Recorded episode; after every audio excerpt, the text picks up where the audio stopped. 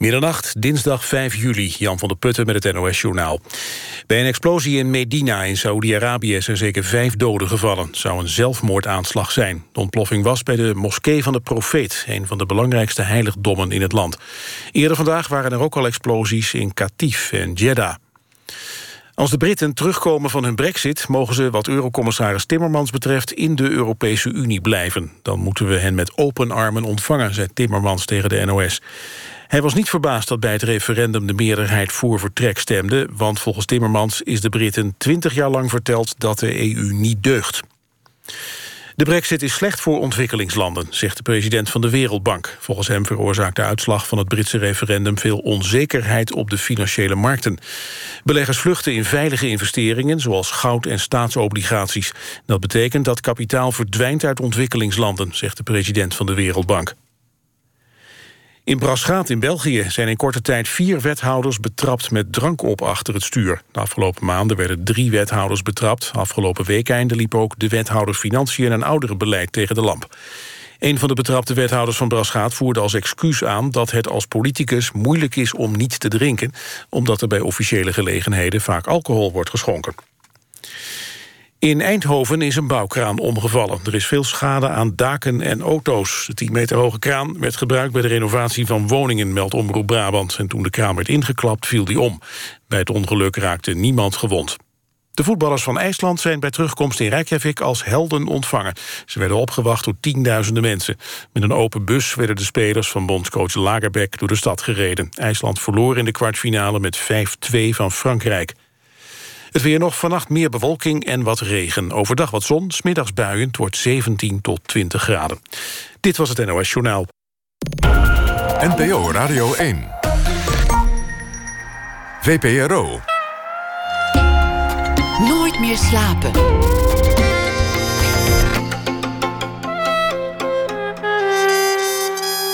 Met Pieter van der Wielen. Goedenacht en welkom bij Nooit meer slapen. Na één uur hoort u rapper Fresco. Hij staat op de parade en heeft daar naar eigen zeggen een moeilijk verhaal te vertellen. Schrijver en dichter Erik-Jan Harmens zal deze week elke nacht een verhaal voor ons schrijven en voordragen. Maar we beginnen komend uur met Candy Dulfer. Piepjong was ze toen ze er voor het eerst stond op het North Sea Jazz Festival. En komend weekende staat ze er weer. En sinds die eerste keer is er veel gebeurd. Ze zou er een boek over kunnen schrijven. En het schijnt dat ze dat ook aan het doen is. Wat is er sindsdien allemaal gebeurd? Een wereldhit. Lily was hier met Dave Stewart van de Eurythmics. Optreden met giganten als Prince en Van Morrison. Toeren over de hele wereld. Onophoudelijk. Honderden optredens per jaar. Zo'n twaalf albums heeft, heeft ze gemaakt. Candy Dulfer, geboren in 1969. Dochter van saxofonist Hans Dulver begon zelf met saxofoon op haar zesde. En is al sinds jaren en dag leider van haar eigen band Funky Stuff. Candy Dulver, welkom. Dankjewel. We moeten beginnen, denk ik, toch, toch met het slechte nieuws van het afgelopen jaar. Die, die grote gebeurtenis die alle muziekliefhebbers ja. uh, heeft aangegrepen. En dat is uh, de, de dood van Prince. Ja, dat was natuurlijk echt. Ik heb helemaal. Ik was, uh, zeg ik eerlijk, godzijdank was ik niet in Nederland. Want ja, het was best wel heftig natuurlijk. Uh, wij stonden uh, op het punt om een concert te doen in Duitsland. Een hele leuke tent in Aschaffenburg, waar we al jaren komen. En we hoorden het vlak van tevoren, ik denk anderhalf uur of een uur van tevoren. En, en ik was daar met Chance Howard, want die toert met mij. Met hem samen hebben wij die hele lange laatste tournee gedaan, de Musicality Tour. Dus ja, allerlei emoties natuurlijk. Um, waar ik wel bij moet zeggen meteen dat ik, ik hem al jaren niet gesproken had. we zijn beide, daar kan ik heel lang over vertellen, maar we zijn best wel sterke persoonlijkheden. En we vinden allebei het ene uiterste en eh, ik het andere uiterste, zeg maar.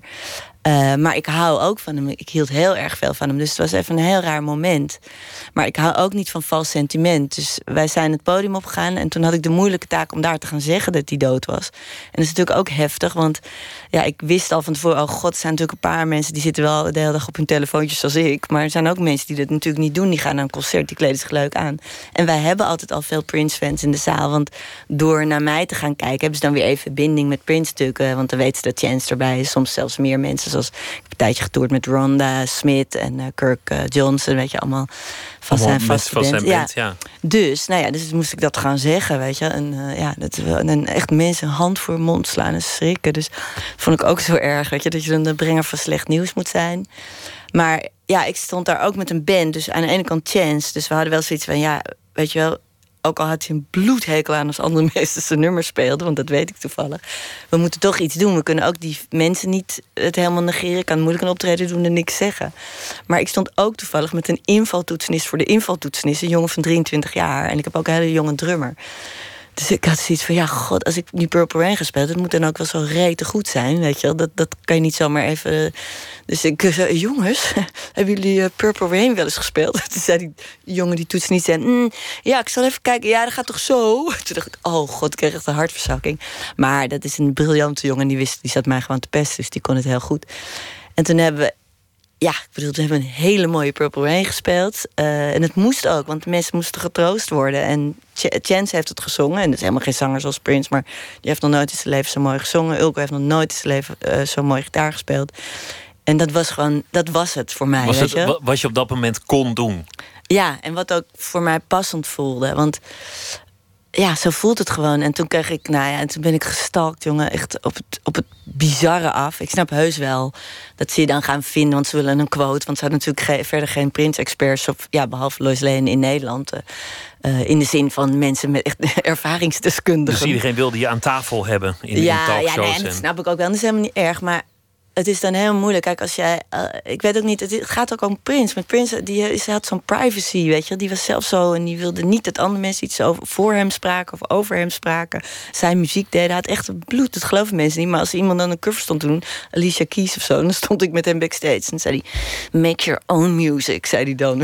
weet je, hij vond het echt verschrikkelijk. Dus ja, ik kon daar niet met een heel open gezicht zeggen: van, Oh, dan doe ik wel met al die tributes mee.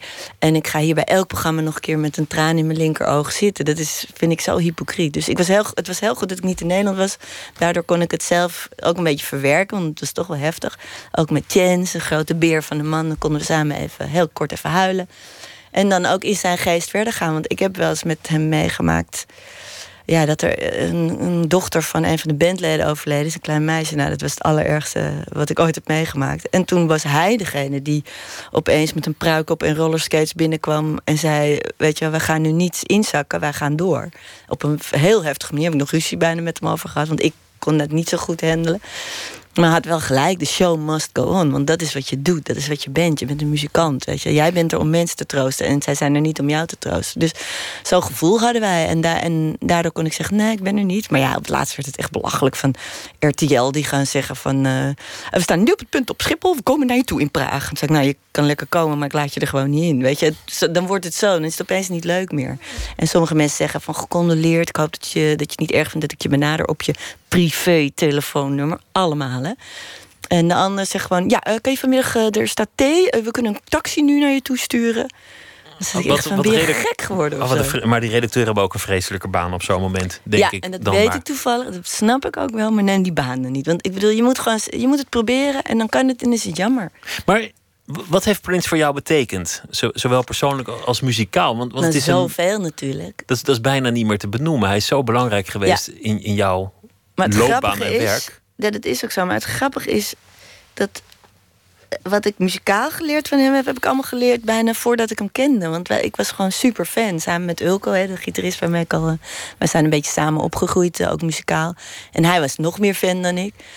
En het ontleden van zijn muziek, dat, dat is de oefening geweest. Uh, weet je, gewoon een, een, nummer helemaal opnieuw opnemen. Wat Prince had gedaan, precies die partij speelde. Dat deed Ulko dan. En ik probeerde mee te doen of ik luisterde daarna. En dat ontleden, dat was ons ja, hoe noem je dat nou? Ons uh, harde werk, ons groundwork of zo. Ik weet niet wie dat in het Nederlands uh, zou moeten zeggen. En ja, daar hebben we zoveel van geleerd. Dus dat was ook leuk toen ik eindelijk met hem ging spelen.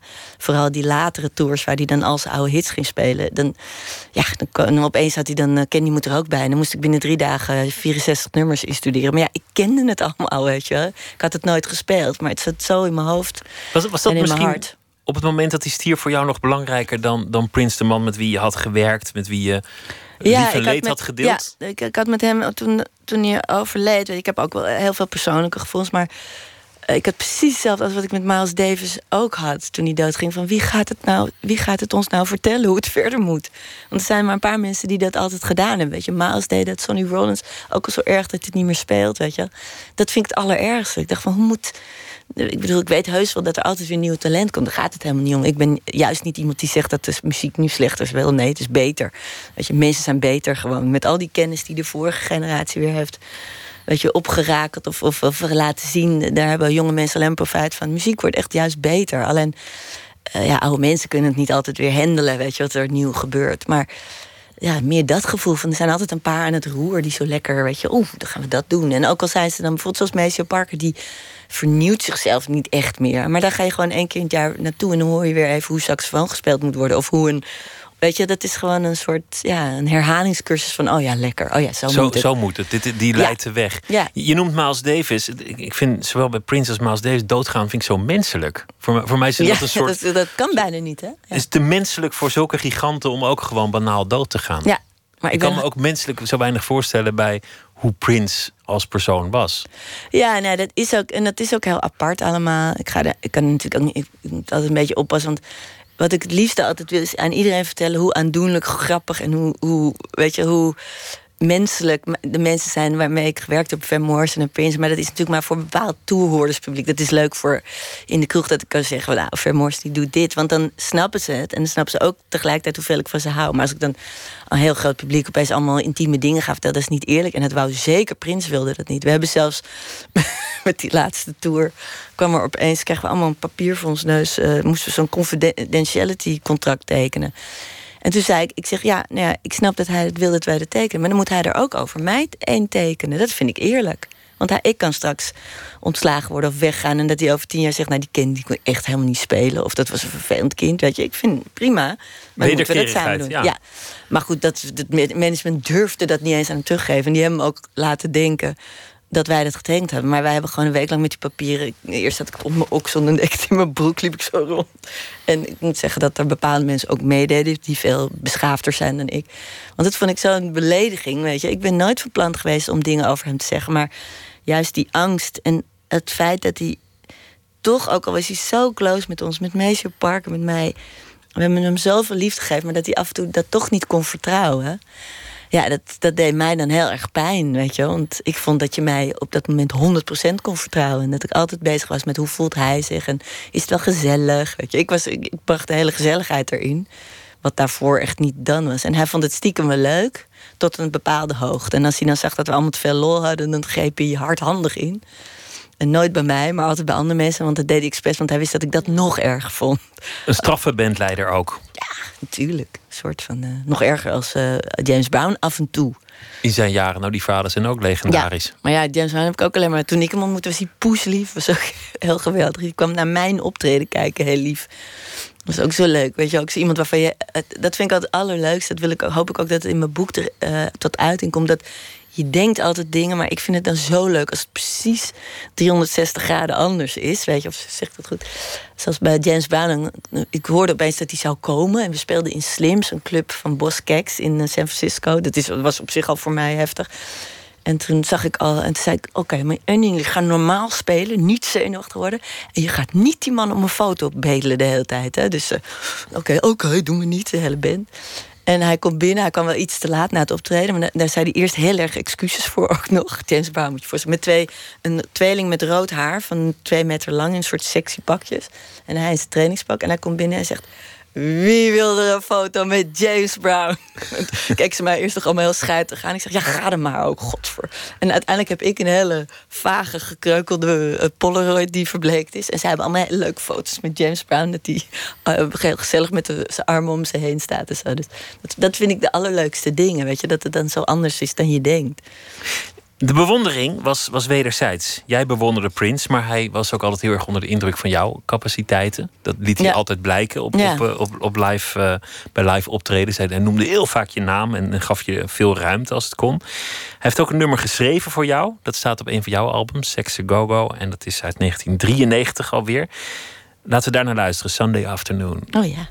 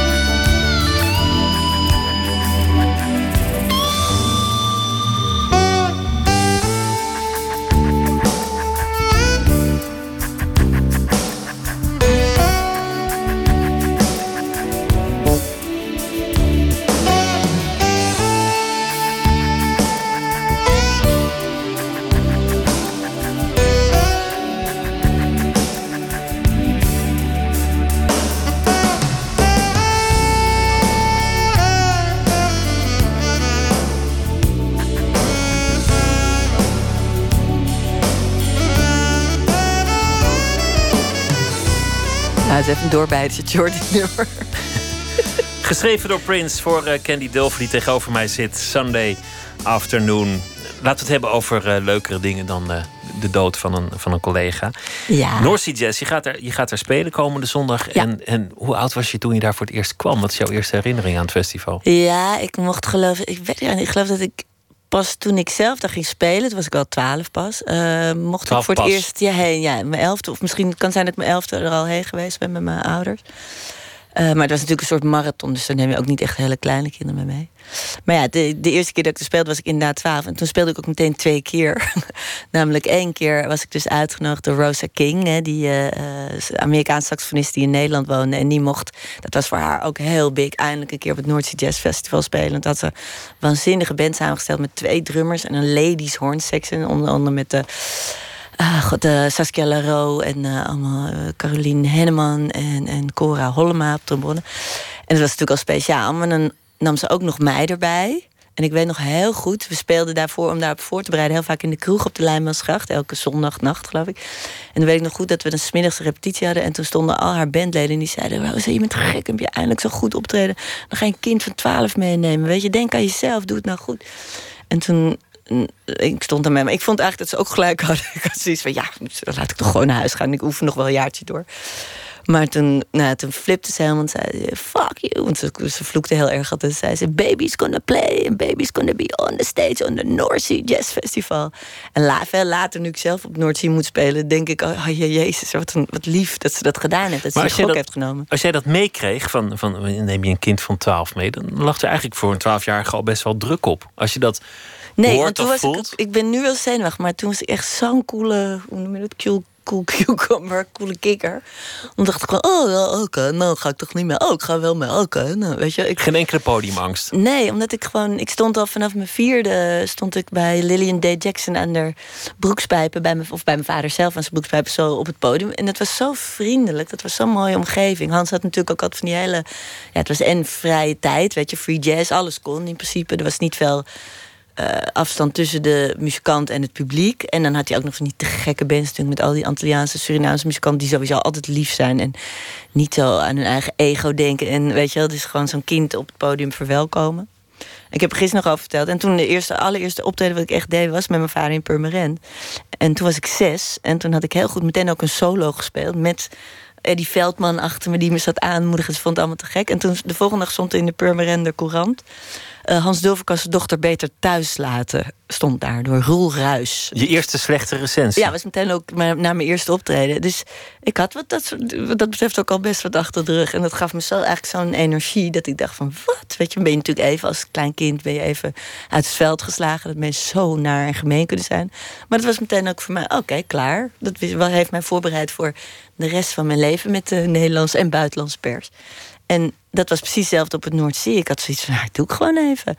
En pas veel later, en nu jongen, als ik die foto's zie... dan zie je Rosa voor me staan, zo'n mooie vrouw. En dan sta ik als een soort heikneuter daarachter van... nou, ik vind het wel leuk hier op het Noordzee. Terwijl dat voor haar het optreden van haar hele leven was. Natuurlijk zo'n groot podium. Dus dat was wel heel bijzonder. En dan tegelijkertijd ook nog zo leuk... mocht ik van Paul Arquette datzelfde jaar... eh, eh, De organisator ook. ja, dat is de, man van ja, North Sea de man van North Sea Jazz Festival. En mijn vader mocht vroeger een beetje adviseren, maar dat ja, zou mij nooit daar opbrengen. Maar hij had gehoord, eh, heeft ze ook een eigen band, Hans? En Hans zei, ja, ze heeft een eigen band uit het dorp, uit Broekenwater, met allemaal jongetjes van 16. On En dan mochten we ook gewoon in de, weet ik veel, Faya lobbyzaal mochten we optreden. Nou, welke muzikant speelt er nou überhaupt twee keer op Noordzee in hetzelfde jaar? En dan als hij twaalf is. Dus het is allemaal aan Paula Ket te danken. En ja, voor mij is ook wel het Noordzee echt wel Paula Ket. Weet je, dat was zo mooi, die man. En ja, dat die mensen die kansen gaf. En met zoveel humor dat festival dreef. En tegelijkertijd ook zo'n man waar je zo'n respect voor had. Zo'n chique Haagse En die af en toe ook oorspronkelijke keuzes maakte. Die, Ja. die mensen niet meteen begrepen en die later raak bleken te zijn. Ja, de formule van de Noordzee is alles mengen en niet luisteren naar wat verstokte oude jazzfans zeggen. En eh, dat heeft, begon hij al mee. En eh, ja, dat is natuurlijk nu het succes. Dit geeft wel aan dat je al, al zolang je geheugen hebt in, in die muziek zit. En dat die saxofoon al heel jong een soort magneet voor jou was als, als kind. We- Weet je hoe dat gegaan is? Werd dat door je vader aangemoedigd of was het gewoon iets dat jij zelf Nee.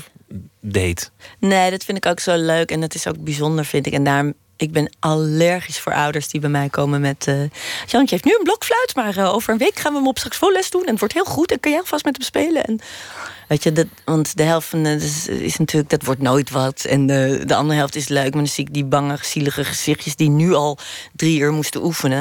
En dan fluister ik ze heel stiekem toe. Lieverd, ik oefende nooit. Alleen tien minuten voor het lesuur van dinsdag nam ik dan even alles door. Want zo was het gewoon. Ik was helemaal niet. Kijk, mijn vader heeft bijvoorbeeld de saxofoon bevochten. Die wilde dat zo graag. Die had ooit een saxofonist gezien en die dacht: dit wil ik, dit is hip en cool. Maar bij mij was het natuurlijk heel anders. Ik zag de hele dag saxofoon en dacht: oh, wil ik ook wel eens proberen. Het was ook een andere tijd. De tijd van jouw vader was jazz, alles. En, en, ja, was, was dat wat je wilde zijn? van dat moment, ja. En ik had gewoon leuk. Alles, ik vond alles wel leuk. Ik was natuurlijk heel klein. Ik wilde verpleegster worden, weet ik veel. En ik weet wel dat ik toen ik vijf was een keer zei... Uh, pap, mag ik ook eens proberen? Ja hoor. Nou, sopraan een beetje. En toen was hij wel, weet ik nog, dat, dat ik wel zag aan mijn vader van... hé, hey, jij eh, hij was eigenlijk heel erg geroerd en van wat kan je dat goed meteen, zei hij. Maar ja, achteraf is het natuurlijk ook echt wel logisch als je de hele dag iemand voor je. Want mijn vader speelde echt vijf, zes uur per dag thuis, hè, ook voor de tv en uh, was altijd aan het spelen. Dus ja, dus ik wist ook wel hoe je je handen moest houden, hoe dat ongeveer moest klinken. En, uh, dus dat ging vrij snel, die eerste ontwikkeling. Maar we hadden bijvoorbeeld diezelfde dag pakte mijn vader, want die is natuurlijk autodidact, maar die is begonnen bij de harmonie, pakte een oud lesboekje, het groene boekje. En toen begonnen we samen. En toen na de eerste vijf minuten zei ik al... Nee, papa, dat is volgens mij... En dan werd mijn vader natuurlijk helemaal gek. Dus ja, weet je wat we gaan doen? We gaan hiermee stoppen. Jij gaat naar de harmonie. Dus mijn enige theorie en leer heb ik gehad op het eh, Harmonieorkest in Zuiderwoude. Hoe heette die? Want je hebt ook jeugd mooie namen. Doet leven. Jeugd doet leven. Ja, het is altijd zoiets werkmans wilskracht ja. of, of, jeugd doet leven. Ja, ja ze waren ook mooie... nog, was ook wel mooi, want ze waren afgescheiden van varen. Eigenlijk een soort hippie van varen die niet meer uniform wilden dragen. Dus eigenlijk een soort een beetje modern. Maar daardoor heel erg ruzie hadden met de fanfare uit het dorp waar ik eigenlijk woonde. Met stenen gooien aan toe. En met optochten dan naar elkaar gooien. Zo. En ik kwam net naar de, een beetje in de luwte naar die strijd.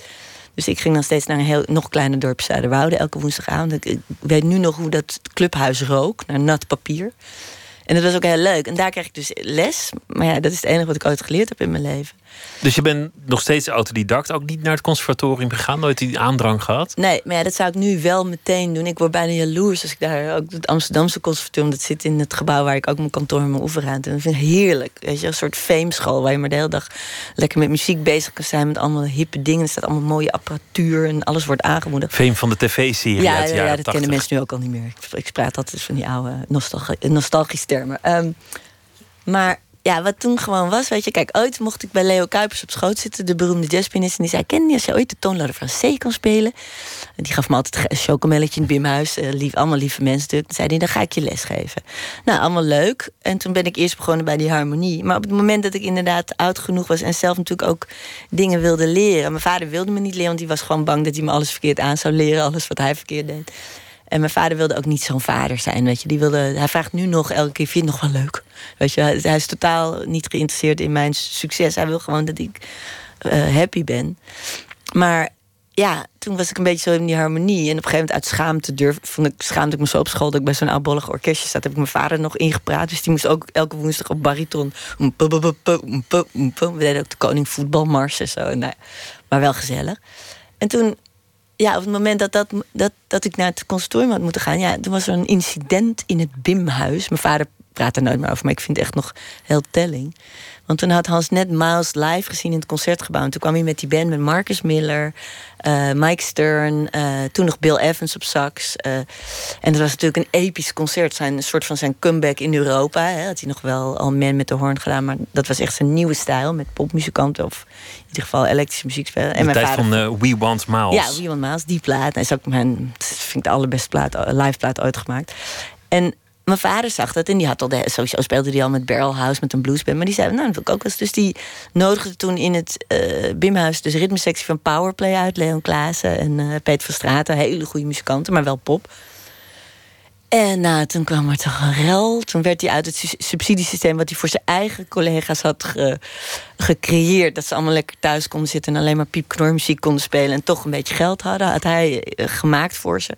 Onder andere was hij wel een van de grote uh, organisaties van. Daar werd hij zelf uitgegooid. Weet je, cultuurkammer was het gewoon. Heel dogmatisch. Ja, zo stom. Dus op het moment dat... En kijk, mijn vader was er veel eerder overheen als ik, hoor. Ik ben nog steeds niet overheen. Maar ik als meisje, weet je, ik zag het gewoon gebeuren. Kijk, Han Bennik is altijd lief geweest. Dat waren onze beste vrienden. Maar mijn vader ging daar zo tegen ageren... dat zel- lieve mensen ook een beetje van hem weggingen. Zo van, want hij sloeg natuurlijk keihard terug. Want hij kan onwijs filijn schrijven. Hij is ook nog heel intelligent. Dus hij pakte ze op allerlei manieren terug... en wees op hun ja, stomheid. En eh, achteraf zijn ze allemaal heel lief... en ook wel ervan teruggekomen, de meeste. Maar ja, ik zat daar als klein meisje. Je ziet, weet je, je gaat elke week naar het Bimhuis met honderden mensen gezellig. En dat was, ik was enigst kind, hè, dus ik, ging, ik zat tot met die volwassenen daar. Vond het heel gezellig. En opeens is, ben je dan persona non grata, weet je, op een bepaalde manier toch. Dat voel je. Dus ja, toen had ik echt, een, sprak ik bij wijze van spreken mijn middelvinger, stak ik op. En had zoiets van, oké, ik hou van jazz, maar dan ga ik dus nooit jazz spelen. Dus je wilde ook niet meer het conservatorium en alle Nee, en toen was het ook nog zo op het conservatorium dat het, je mocht ook alleen maar straight ahead jazz daar spelen. Dat was echt een. een Dus Giant Steps uit je hoofd leren en nog ja, van en die, ik voelde al van, nou, dat is niks voor mij. Ik wil gewoon, weet je, ik wil met gevoel spelen. Ik wil popmuziek vermengen met jazz. Met alles wat ik uit de jazz dan ken, dat weinige wat ik weet ervan. En het gevoel wat ik van de jazz meeneem. En dan wil ik gewoon met mensen. Want op dat moment kwamen wij een beetje met de Herman Brood zien in aanraking door mijn vader. Ja, dat was zo spannend. En die mensen waren zo leuk. Weet je, David de Holle stellen, Robbie Smits, die achter die bombita's. Die, dat is nog steeds me, hoe zeg je dat? Maar dat heb jij heel goed gehoord. Als jij, als jij eigenlijk nooit alles hebt geleerd. Je, je, kunt, je kunt vast wel muziek lezen, maar dan doe je waarschijnlijk heel veel op muzikaliteit en, Ja. en aanleg. Ik kan ook, en uiteindelijk, weet je, heeft het me heel ver gebracht, toch? Want daardoor kon ik bijvoorbeeld. Het is een eh, niet perfecte, of hoe je zeggen, imperfecte manier van muzikant zijn, natuurlijk. En ik ben er ook niet heel trots op hoor. Ik, ik vind dat ik het goed heb opgevangen, maar ik zou het eigenlijk wel anders hebben willen doen. Weet je? Dus Als ik het nu zie, hoe dat nu zou kunnen op een muziekschool, zeg ik, ja, ga in godsnaam naar het conservatorium. Het is nu wel leuk. Maar ja, ik heb dan natuurlijk dingen daar inderdaad mijn gehoor mee ontwikkeld. Waardoor ik, ik bedoel, ik heb honderd keer met Van Morris gespeeld. Ik heb nog nul keer in mijn leven met hem gerepeteerd. En ik speel ook met hem mee als hij nieuwe nummers doet voor zijn nieuwe CD. En ik voel waar ze naartoe gaan. Allemaal op gehoor. Je, je red je door te Ja, luisteren, door op te ook- letten. Ja, en ik zoek ook natuurlijk. Kijk, ik zeg ook dingen af waarvan ik weet, daar ben ik niet thuis. Dat wil ik niet. Dus ik zoek ook altijd naar verwante muziek. Maar de feel en de soorten akkoorden die hij gebruikt en de overgangen, dat is. Ja, dat komt van eh, Junior Walker, Sam Cooke, bla bla bla, weet je. Dat is gewoon zo vertrouwd voor mij. Daar kan ik zo in meegaan. Ik kan ter plekke met hem een nieuw nummer maken als ik dat zou willen. Of, of eh, weet je, als dat zou moeten. Want ik weet gewoon wat hij mooi vindt. En elke eh, afslagje wat hij neemt, dat voel ik gewoon aan. Ik stond daar echt al die optredens dat ik daar stond. Hadden zij allemaal papier voor zich. En dan kan ik ook wel lezen, maar niet goed. Maar ik stond gewoon. aan. En dan hoorde ik het wel. Want het, Maar het is ook een sociale manier van spelen. Dat, dat is ook iets wat Ja. bij jouw persoonlijkheid past. Je, je bent een Ja. tamelijk sociaal aangelegd iemand. en dit betekent dat je, dat je moet opletten wat er gebeurt en reageren op de precies. anderen. Ja, en dat is zo grappig, want daar heb ik het wel eens over. Ik heb ook wel eens tegen Meesje gezegd. Niet dat hij dat eh, zo belangrijk is hoor, maar toen zei ik van ja, ik, zeg, ik heb nu eindelijk uitgevonden wat jou zo goed maakt. En waarom ik nooit zoals jou kan spelen. En waar wij verschillend zijn, maar nou ja, toch goed eh, bij elkaar passen als, als vrienden. Dus ik ben gek op hem. Hij en mijn vader is ook zo. Als, als de maat begint van de muziek, dus de eerste tel. Dan gaan zij een stap zijn ervoor en vertellen ze een verhaal. Dat is Meesje, dat is Hans Dulver, dat is Coltrane. Dat is, weet je, bepaalde saxofonisten doen dat. Eh, en ik wacht twee tellen, want ik wacht dan op wat is het akkoord. Oh ja, kan ik er dit bij? Dat is ook hoe ik muziek schrijf, maar ook hoe ik speel. Dus mm, Oké, dan doe ik dit. Ik ben een reageerder. En zo ben ik ook in mijn sociale omgang, weet je. Ik wil altijd dat andere mensen grappen vertellen. En dan Maar je bent, ook ook een, je bent ook een bandleider. Je noemt, je noemt, we, we hebben het gehad over Prince, over James Brown, Van Morrison. Dat zijn allemaal ook bandleiders naast, naast muzikanten en, en zangers of solisten. Hoe zou je jezelf als bandleider dan typeren? Wat was daar? Dictatoriaal. Ik geloof er niks van. Ja, nee, echt. Echt waar? Nou ja, als je het echt helemaal ontleedt. Ik ben nu zo ver dat ik ook wel een beetje zelfkennis heb. En mijn band ook. Wij kennen elkaar al zo lang, sommige van de mensen, dat we dat ook lachend zeggen. Maar ik ben een soort, ja, dat zeg ik zelf, ik ben de vriendelijke dictator. Dus aan de ene kant wil ik dingen precies. Als ik het eenmaal weet, als ik het niet weet, laat ik het allemaal aan de anderen over. Want ik weet niet alles. Ik weet heel veel niet. Dus zeg ik, hoe zullen we dat doen, jongens? Dit intro of acht maten, vier maten. En dan heb ik zulke goede mensen om me heen die zeggen dan vier maten. En dan wel, oké, goed. Maar bepaalde dingen, weet je, vooral de opbouw van een set of op het podium zelf staan en voelen dat de energie weg hebt. Of dat ik zie dat de mensen een beetje. Dan ben ik echt een dictator. Dan ga ik mijn voet op de grond stampen en dan word ik ook heel driftig boos, weet je. Maar ja, dus ik, ik probeer het allemaal af te dwingen met liefde. Door heel goed voor ze te zijn heel ze goed te verzorgen. Zodat ik op het moment suprem dat ik echt denk van... "Pff, Het moet nu goed. Het moet, we moeten nu een hoger plan. Het moet even spiritueel heel goed zijn nu. Dan kan ik ze dat ook aandoen op dat moment. Want ja, en dan kijken ze ook naar me. Ze zeggen, en dan weten ze ook wel me Nou, ze is eigenlijk wel lief. Maar Het lijkt me niks voor jou om het ongezellig te laten worden. Nee, dat vind ik ook heel eng. Maar dat is precies wat ik met Prins, die interessante discussie, waar ik nu nog wel eens van wakker lig in mijn bed. Want ik heb hem echt beschuldigd. Op een gegeven moment stonden we eens een keer voor elkaar, eh, tegen elkaar, over elkaar. En toen hadden we een beetje ruzie. Want hij, bijvoorbeeld als iemand in de band een solo-nummer stond zingen, dan ging hij langs en hadden van die confetti in die show. Het was een hele grote show. En dan gooide hij dat gewoon in iemands gezicht. Omdat hij dan bijvoorbeeld niet happy was met wat ze deden. Of gewoon om ze te pesten of ze te prikkelen, weet je. Maar ik vond het heel oneerbiedig af en toe. Vooral als iemand met twee handen keyboard speelt en moet zingen, want dan kan hij zich niet verdedigen. Dus ik vond het in sommige momenten leuk. En was het ook echt grappig. Maar sommige momenten vond ik het gewoon niet oké. En dan was het net, niet met een leuke ondertoon. En dan ging ik gewoon, dan stond ik op het podium en zag ik dat. En dan liep ik, want ik was helemaal draadloos met zes microfoons en eh, drie packs. En dan liep ik daar snel naartoe en dan ging ik snel die confetti van diegene die soms stond spelen halen. Nou, en dan werd hij heel boos en toen kwam hij naar mij toe. En dan was onze ruzie was, waar moet je altijd zo aardig zijn, zei hij. Dan zei ik, waar moet je altijd zo onaardig zijn? Nou, dat is een hele mooie discussie, want hij had wel gelijk. Want door totaal voor iets te gaan, 100%. En niet te denken, oh, vindt Pietje me wel aardig of Marietje.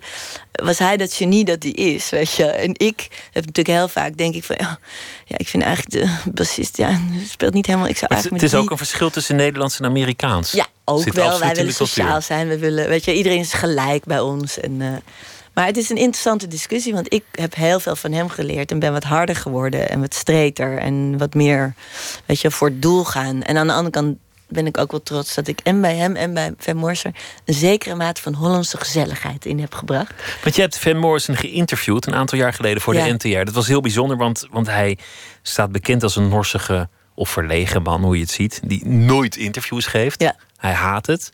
Voor jou deed hij het wel, omdat Ja, je muzikant bent en geen journalist. Hij liet zich ook zien, hij, hij deed zijn best. Maar wat, wat eruit bleek uit dat portret was dat hij heel nerveus kan zijn voor een optreden. Ja. Dat, dat als het hem niet zint, dat het hem ook eigenlijk niet lukt om het Ja. te doen. Dus dat de sfeer cruciaal is bij zo'n man. En Ja. daar, daar speel jij dan ook een rol in. Ja, en het grappige is dat eigenlijk alle grote eh, waar ik mee gewerkt heb, hebben dat ook wel, maar ze uiten het op verschillende manieren. En kijk, ik kon voor hem, dus voor Morrison bijvoorbeeld, kon ik niet eh, het hele optreden goed maken of een piepelde microfoon, want dat was voor hem al genoeg om helemaal te, Te flippen. Weet je, maar, maar wat ik al heel... De allereerste keer dat ik Van Morrison ontmoette... hij had mij uitgenodigd met mijn moeder samen om even te eten. Hij wou even met mij praten. En dat bleek dus om even te voelen wat ik dan voor een type was. Zodat hij mij kon uitnodigen voor concerten om mee te doen. Toen was ik echt nog heel jong. Ik geloof 17 of 18 ook. Maar toen zag ik de allereerste... Ik kwam het restaurantje binnen waar we dan hadden afgesproken. En ik zie Van Morrison binnenkomen. Hij struikelt ten eerste over de drempel. Dan eh, herkent heel eh, het restaurant hem niet... en vraagt hem te wachten buiten. Eh, vervolgens gaat hij zitten. De ober gooit een hele karaf water over me heen. Over zijn kruis, over zijn broek. En zo ging het maar door. Dus ik zag gewoon al heel snel... had een energie waarbij hij zelf eh, vrij nerveuzig is. Maar ook dat mensen daardoor in zijn nabijheid... altijd de stomste dingen doen, weet je. Gaan ze hem hun bootlegs laten tekenen. Nou, als je fan bent, weet je toch dat hij een één ding een hekel heeft? Bootlegs. Dan ga je toch niet een bootleg... Mr. Morrison, could you sign this bootleg? En dan... Weet je.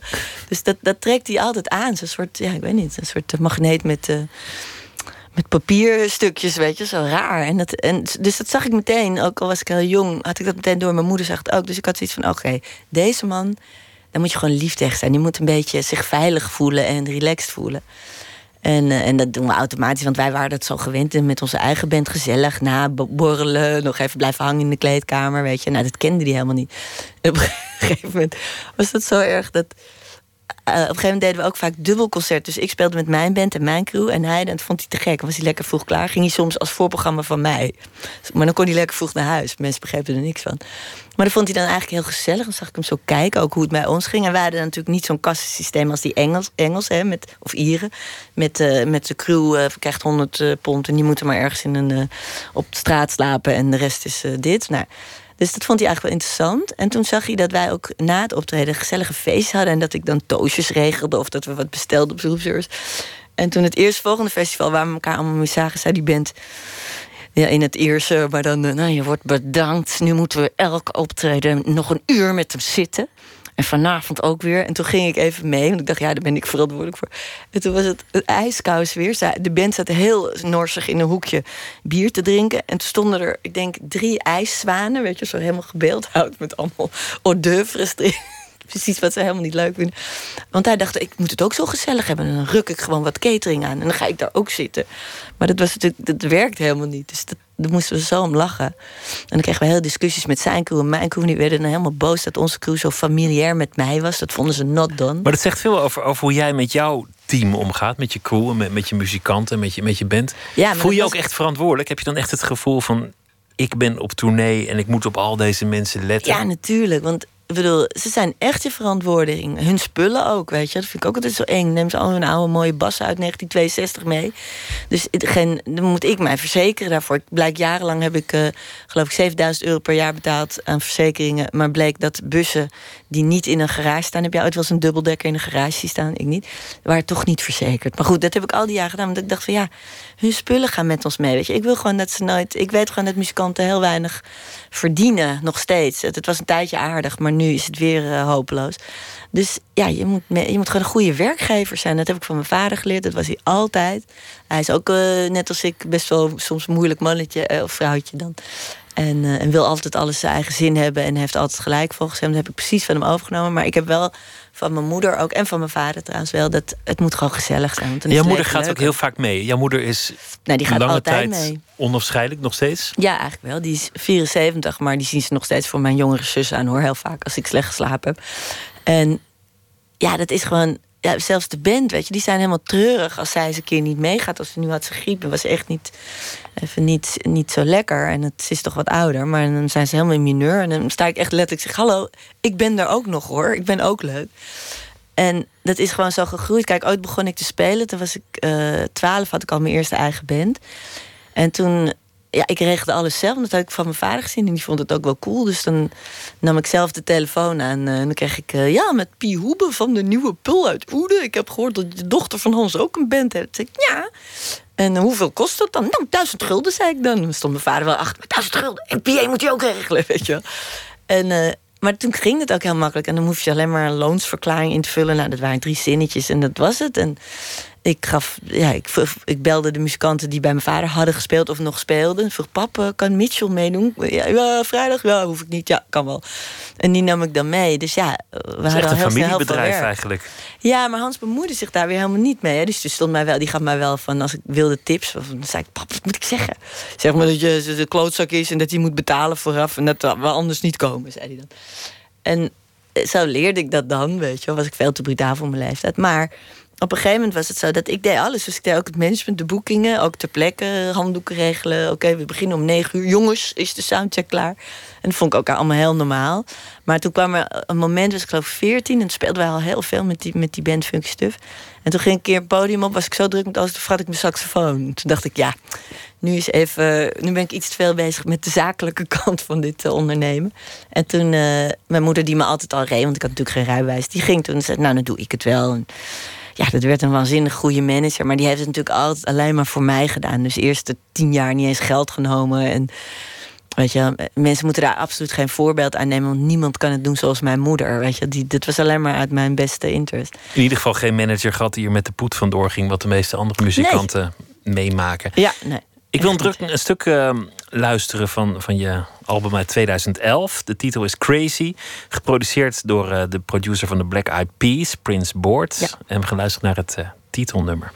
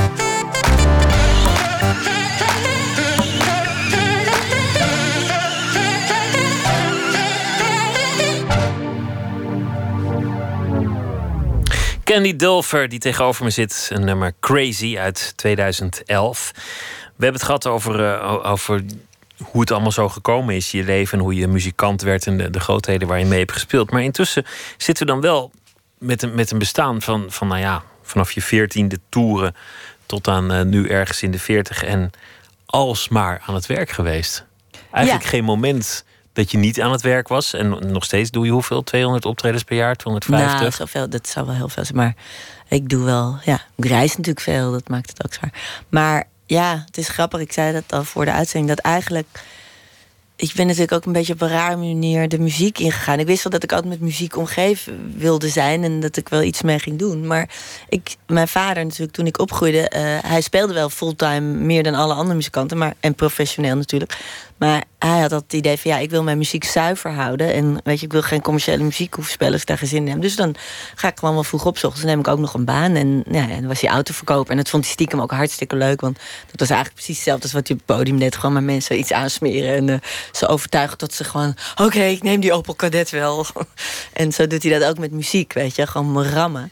Dus ik zag dat altijd. Dus het grappige is als ik nu wel eens denk van hoe, god, ik heb zelf geen kinderen, maar soms denk ik wel zie ik met, ouders met kinderen, denk, oh god, hoe kan je zo'n kind nou motiveren dat hij niet de hele dag in zijn bed ligt te uh, jointjes te blowen, maar dat hij iets gaat doen. Want en toen dacht ik altijd, hebben mijn ouders mij ooit tegen mij gezegd van je moet hard werken, je moet altijd 24 uur per dag en nooit vrij nemen. Dat heeft ze geloof ik nul keer gezegd, maar ik zag gewoon alleen maar een vader die om half zeven opstond, mij naar school bracht, al zo scherend in de auto met zijn knieën reed naar de Riva, daar zeven uur lang een soort topsportverkoper was. Want hij was ook altijd de meest verkopende verkoper. En dan kwam hij even thuis om vijf uur. En dan at hij wat. En dan ging hij weer weg. En dan kwam hij om vier uur thuis. En dan aaide hij mij nog even over zijn bol. Vertelde een verhaaltje. En dan ging hij... Uh... Het hoort ook wel bij de rock'n'roll. En ook, ook zeker bij de jazz. De, de, de verhalen die zijn, zijn natuurlijk heel veel van muzikanten... die uh, een been breken en doorspelen. Of, of, uh, ja, dat wel. Maar er zijn of, wel of met echt... een longontsteking ontsnappen uit het ziekenhuis... en dan sterven op het podium. Ja, nou, dat is ook mooi. Maar dat, dat wel. Maar het verhaal van de muzikant die niet de hele dag in bed ligt... weet je, dat, dat bestaat bijna niet. En daar is mijn vader echt de enige in. En ik heb dat zomaar klakkeloos overgenomen. Heb je er ooit spijt van gehad of twijfel? Uh, nee, ik heb altijd. Ik heb wel een hele periode, vooral toen Lily was hier uit was. Dat was in mijn. Weet je, alles kwam voor mij te vroeg. Ja, kan je nu niet voorstellen. Maar ik vond ook dat Prins belde. Dan was ik soms wel eens dus ik, oh nee, oh nee, want ik ben nog helemaal niet klaar. Weet je, hij moet over vijf jaar bellen. Dan wil ik wel met hem meespelen. Dan zal ik hem eens wat laten zien. Maar het was voor mij allemaal veel te vroeg. Ik wilde nog helemaal niet ontdekt worden. Ik was toch, ik had in mijn, ik was ook heel kritisch, ben ik nog steeds eigenlijk. Maar ik was nog niet goed genoeg in mijn eigen. Je zei ook vaak nee. Je, je, hebt, je hebt in zekere zin op de ja, rem gestaan. Ja, voor alles. En dacht, oh nee, moet ik met die meespelen? Ik kan dat helemaal niet. En dan zat ik weer tegen mijn moeder. Nee, mam, ik wil niet. En zijn moeder, ja hoor, ze komt te gaan. Want die, die dacht ook wel, ja, weet je, oké, we gaan wel nee zeggen tegen stomme producers in Nederland of rare liedjes. Ze hoeft niks te doen wat ze niet wil. Maar nu belt uh, Mojo of ze in voorprogramma van Prins wil. Zei ik ook nee. Oh nee, man, dat doe ik niet. Nee hoor, ik ga niet in het voorprogramma. Ik doe nooit voorprogramma's, weet je. En, uh, en uh, zei ze, ja hoor, ik geloof het, wie belde nou? Leon Ramakers, geloof ik. Ja hoor, Leon, ze komt. Nee man, was ik nog hele avond boos op mijn moeder.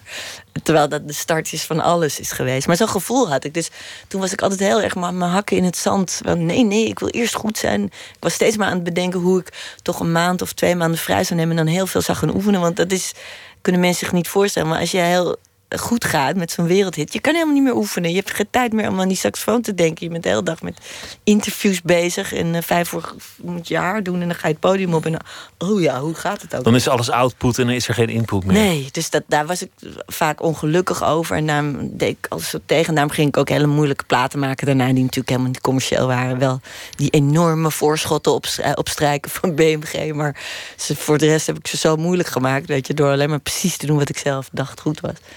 Maar ja, en toen kwam er op een gegeven moment een soort omslag. Precies op het moment dat het. Kijk, het is bij mij nooit minder gegaan. Ik weet ook niet waarom, maar echt op mijn.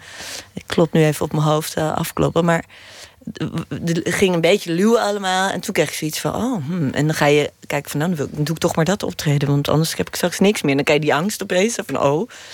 En toen uh, daar was ik ook een beetje in de war van. En nu ben ik 46 en nu gaat het echt weer zoals vroeger. Ik zeg gewoon alles wat ik in mijn hart voel. Of waar ik een soort intuïtief gevoel van heb van, uw, nee zeg ik gewoon meteen nee. En het grappige is, hoe meer je nee zegt, hoe meer mensen je willen. Dus ja, ik heb gewoon ik heb niet genoeg dagen in het jaar. En dat klinkt heel verwend, maar dat is het ook. Het is gewoon echt Maar een je, maar je leeft in zekere zin volgens mij een beetje als een tiener met, met, met zijn ouderlijk huis. Je Ja. komt je jas halen en, en, en een wasje draaien en dan ben je weer weg. Nou, sterker nog, eh, als muzikant, eh, zeker zoals wij het doen, ik wil ook heel graag hangen, blijven hangen in een bepaald soort leeftijd. In de zin van, ja, weet je wel, die optredens doen we heel serieus, maar daaromheen moet het alleen maar lachen, gieren, brullen zijn. En spannend en leuk en eh, uitstapjes doen en eh, niet eh, in je hotelkamer gaan liggen de hele dag. Ik trek ze allemaal uit hun kamer ze moeten allemaal mee op excursie en leuke dingen doen. Want uiteindelijk is dat leuk. En het is natuurlijk ook wel een beetje nog steeds een soort van 18, 19 jaar oud proberen te zijn wat je niet meer bent. Maar ja, dat, dat, is, dat was zo mooi. Of dat is zo mooi. Dus dat wil ik gewoon graag vasthouden. En gelukkig werk ik met een groep mensen die ook wel eens heel moe zijn. Maar die ook niet daaraan toe willen geven. En die ook zeggen van. eh, Maar werkt dat met je persoonlijk leven? Of, of stort dat op een zeker ogenblik in elkaar als je er te lang vandaan bent? Ja, het is niet heel makkelijk. Maar ik, ja, ik heb of altijd het geluk gehad dat ik een heel begrijpende partner had. Bijvoorbeeld, ik ben eh, zes jaar met Tom Hofman ge- eh, gegaan. Weet je, de acteur die was ook ouder. En die heeft mij, die heeft trouwens alles, dat wil ik zo graag altijd zeggen, zeker nu ik ouder ben. Dat, die heeft alles voor mij gedaan. En die heeft gezorgd dat ik bij Dave Stewart terecht ben gekomen eigenlijk. En die heeft ook gezorgd dat ik die avond toen ik was weggestuurd bij Prince. Want toen werden wij gecanceld, ons voorprogrammaatje. En ik natuurlijk heel boos was. En dan meteen eh, lelijke interviews zat te geven voor de Volkskrant over Prince. En nooit meer iets van zijn muziek wilde luisteren. Heeft hij me meegesleurd naar het optreden. Al waar ik opeens op het podium gevraagd werd. Dus ik heb ook alles aan hem te danken eigenlijk. Maar die was zo lief, die begreep het allemaal. En die was zelf ook zo'n type. Dat moest hij drie maanden film doen in Afghanistan. Dan zou die gaan, weet je wel. Dus, en of ik had dat soort mensen, of ik had eh, mensen die ook in de muziek zaten of in mijn band. Dus dan, die snappen, snapten dat ook weer. Dus daar had ik geluk bij. En nu heb ik iemand die, ben ik getrouwd met iemand die die, die passie ook weer helemaal begrijpt. Die helemaal niet eh, uit de muziek komt. Maar die, Een sportman, wat, wat vergelijkbaar is misschien. ja, weet je wel, iemand die ook helemaal tot het gaatje gaat. En ik moet zelf, ik ben zo erg dat ik mag dus het hele jaar door. eh, oh, ik, ga nu weer weg. En eh, prima, zegt hij dan. En ik, laatst had ik een periode, toevallig ik thuis was, en toen moest hij de hele week doorwerken, alle dagen. En ook kwam hij pas om één uur s'nachts thuis. En toen zat ik daar heel beledigd op de bank. Zo van, ja, dan zit ik hier helemaal alleen, ben ik eens vrij. Toen dacht ik, oh nee, dat heeft hij altijd. Dus ja, je moet echt wel heel vergevingsgezinde partner hebben die dat snapt, weet je wel. En ja, Maar toen je heel jong was, dacht je misschien... ik ga een jazzclub spelen, net als mijn vader. Of ik ga het rondje door Nederland maken. Dan komt er een moment voor jou te vroeg dat ze zeggen... we gaan jou een enorme ster maken. Je gaat, want dan heb je een grote hit en dat is toch een soort magneet. Ja. We gaan miljoenen albums verkopen... en, en we kunnen jou eh, daar krijgen en daar krijgen. Daar voelde je ook een soort afkeer van. Heb je nu eigenlijk een beeld van, van hoe het eruit moet zien? Hoe je je leven zou willen in je carrière? Ja, nou ja, eigenlijk, en dat hoor je vaak van mensen, is de, de waarheden die je hebt als, weet ik niet, tienjarig kind, twaalfjarig kind, die zijn eigenlijk hartstikke waar. Je moet ook wel heel veel gaan leren, maar heel veel dingen die je vindt, als je tenminste gewoon normaal, redelijk normaal opgevoed bent en gelukkig bent als kind, die blijven wel hangen. En ik, ik vond toen ook, ik vond niets leuker dan met funky stuff, met drie Molukse zangeressen en een hele gemengde band eh, voor een heel gemengd publiek staan en die ze eerst moeten overtuigen. Weet je, hier stond ze dan altijd zo met de arm over elkaar. Wat is dit voor zootje? En dit is geen punk en dit is geen rock. En dan konden ze helemaal zo ver krijgen. En dan gieren, lachen, brullen. Aan het eind weet je, de kleedkamer uitgeveegd worden door de, door de mensen van de zaal. Eh, En dan gierend verlachen op de snelweg nog een koketje halen ergens. En elkaar inhalen, toeteren. Weet je, dat vond ik toen zo leuk. En dat had ik ook al bij mijn vader gezien. Dat, dat had mijn vader ook al zo in zich, die gezelligheid. Ja, dat, en ik wist altijd, dat wil ik eigenlijk. Ik wilde helemaal geen platen maken. Ik wilde helemaal niet op tv. Ik wilde helemaal niet beroemd eh, in het buitenland zijn. En nu ben ik full circle. Nou heb ik het geluk gehad dat ik precies dat doe wat ik dus altijd wilde. Want dat blijft, blijk ik toch het leukste te vinden. Gewoon met, dat, met die 15 mensen op stap de hele wereld om. Een soort school, uitgebreid schoolreisje. Maar daarbij heb ik nog het geluk gehad dat ik dat nu ook in Zwitserland, eh, Oostenrijk, eh, Engeland, Duitsland, Japan en Amerika mag doen. Nou ja, dat is gewoon de hemel. Ik ben ook echt blij als ik onderweg ga. En toen ik eh, rond de 30 was, had ik wel zoiets. Oh, moet ik weer weg? En dan gaan alle mensen. Weet je, mijn vriendinnen kregen baby's waar ik niet bij was. Een vriendin ging trouwen, kon ik weer niet bij zijn. Weet je, dat soort. Dan heb je de hele tijd zo'n gespannen gevoel van. Oh, ik heb straks geen vrienden meer over, want ik ben er nooit voor ze. En nu ben ik 46, heb precies diezelfde vrienden als toen. En die zijn gewoon heel lief mij trouw gebleven. En, En je kunt er eeuwen mee doorgaan, want je, je vader die, die toert ook nog eh, Ja, dat enorm. Of die, die speelt nog heel veel. Ja. En, en kijk naar hoeveel jazzmuzikanten van 80 ook nog Ja, wereldtours maar maken. dat wil niet zeggen, en dat merk ik nu ook, dat het niet ongelooflijk zwaar is. Dus gewoon fysiek en ook wel eens mentaal. Dus het lijkt heel vanzelfsprekend. Oh, heerlijk, muziek kan je altijd nog maken als je... Nee, het, is gewoon topsport, maar dan op je 75ste, weet je wel. Mijn vader, mijn god, die, die zal het nooit laten merken. Maar die is natuurlijk, wat hij daar doet, 3,5 uur staan te blazen... en dan nog uit eh, Friesland terug naar huis rijden s'nachts. Ja, hij wil dat, maar dat is echt heel heftig. Weet je, ik word altijd heel droevig als ik dan bijvoorbeeld ook met Nederlandse jazzfestivals. dan halen ze zo'n 82-jarige sterpianist uit Amerika en dan geven ze hem geen business class. Nou, dan kan ik ze wel vermoorden, weet je, want dat kan je niet maken. Je kan niet, eh, en die mensen zijn dat zo gewend. Meestal ook, die reist nog zoveel. Maar dan zie ik gewoon hoe zwaar dat is. En dan wil ik gewoon af en toe mensen in hun gezicht slaan en zeggen: geef die man een mooi hotel, breng hem even, draag zijn spullen. Weet je, het is gewoon. Maar is dat toch wat je zelf zou willen? Tot op ja, ik wil leeftijd? dat ook, maar ik zie wel ook eh, de, de heavyheid van in. En het is ook nog iets, het is wel wat anders als een, als een oud vrouwtje of als een oud mannetje op het podium te staan, weet je wel. Er komt ook een soort omslag ergens. Nu kan ik nog een beetje. Dat wil ik dan zelf natuurlijk ook. Ik wil natuurlijk nog gezien worden als aantrekkelijke vrouw of zo ergens. Of weet ik veel hoe je dat zegt. Maar er komt natuurlijk een moment. Wanneer vinden mensen oude vrouwen leuk op het podium? Als ze lekker dik zijn en nog gezellig en mooi Zoals zingen. Mavis Staples of eh, zo'n oude soul queen. Weet je, Ella Fitzgerald, het was prachtig, die vrouwen. Hè? Zo leuk nog, weet je wel. Ja, ik bedoel, ik ken nog geen oude saxofonisten. er is er één op het internet. Die kent iedereen ook. Een soort oud, oud nonnetje, wat heel mooi kan alt spelen. Echt heel bijzonder. En die kan je op Facebook vinden. Maar eh, voor de rest, dus dat, eh, ik weet nog niet zo goed hoe dat moet gaan, weet je. Mijn vader, dat vinden ze helemaal te gek. Dan zien ze die, ja, hij is ook niet, hij ziet er erg goed uit voor zijn leeftijd. Maar lachen hoor, die ouwe, die dulven, weet je wel. En dan gaan ze meteen swingen, want dat... En ja, ik weet niet of ze dat bij mij vinden als ik 71 ben met eh Vast wel. De, tijd zal Ik ga het leren. proberen, ja. Er komt een nieuw album ergens dit najaar. Je gaat spelen op North Sea Jazz eh, komend weekeinde. En je werkt aan je boek. Hoe doe je dat eigenlijk, dat boek? Onder, onderweg of...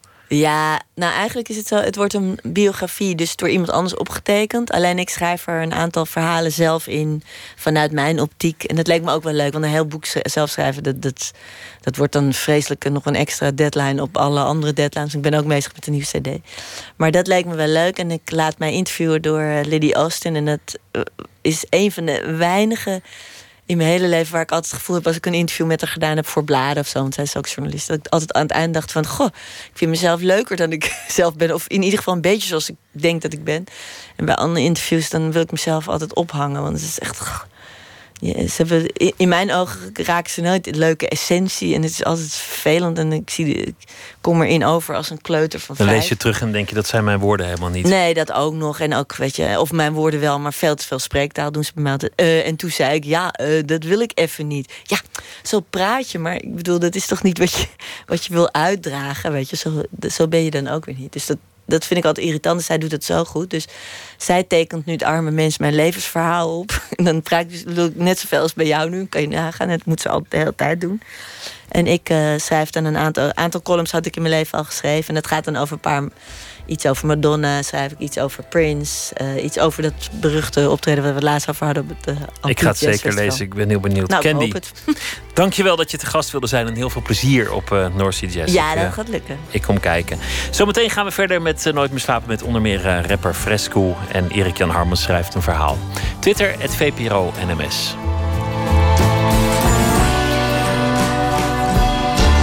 Op Radio 1.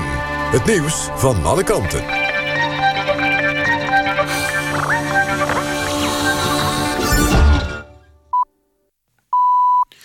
1 uur, Jan van der Putten met het NOS-journaal. Boris Johnson vindt dat Andrea Leadsom de nieuwe Britse premier moet worden. In een verklaring zegt Johnson dat zij de kracht, het doorzettingsvermogen... en de vastberadenheid heeft die nodig zijn om het land te leiden. Leadsom is namens de conservatieve minister van Energie. Ze was in de referendumcampagne een van de prominentste voorvechters van een brexit.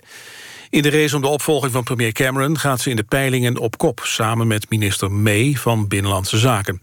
Boris Johnson maakte vorige week onverwacht bekend dat hij geen kandidaat is.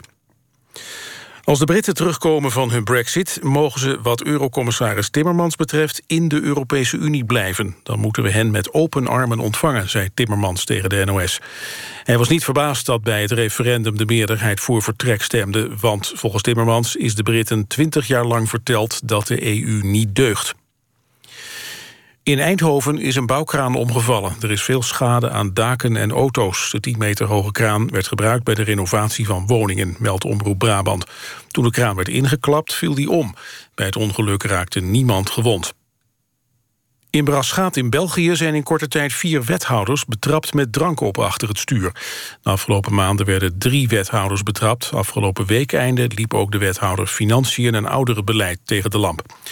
Een van de betrapte wethouders van Braschaat voerde als excuus aan dat het als politicus moeilijk is om niets te drinken, omdat er bij officiële gelegenheden vaak alcohol geschonken wordt. De voetballers van IJsland zijn bij terugkomst in Reykjavik als helden ontvangen. Ze werden opgewacht door tienduizenden mensen. Met een open bus werden de spelers van bondscoach Lagerbäck door de stad gereden. IJsland verloor in de kwartfinale met 5-2 van Frankrijk. Het weer, vannacht meer bewolking en wat regen. Overdag wat zon en smiddags buien. Het wordt 17 tot 20 graden. Dit was het NOS Journaal. NPO Radio 1. VPRO.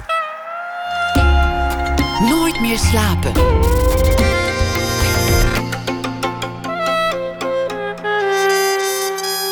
Met Pieter van der Wielen. Brabantse rapper Fresco heeft een verhaal te vertellen en wil dat de wereld naar hem luistert. Twee hip-hopse albums heeft hij nu op zijn naam staan. En hij staat nu op de parade om het publiek te vermaken, maar ook om een ongemakkelijk verhaal te vertellen. De Toendra-documentaire De Vierde Broer over een jonge man die van de een op de andere dag verdwijnt in het niets. Die zullen we zo meteen laten horen.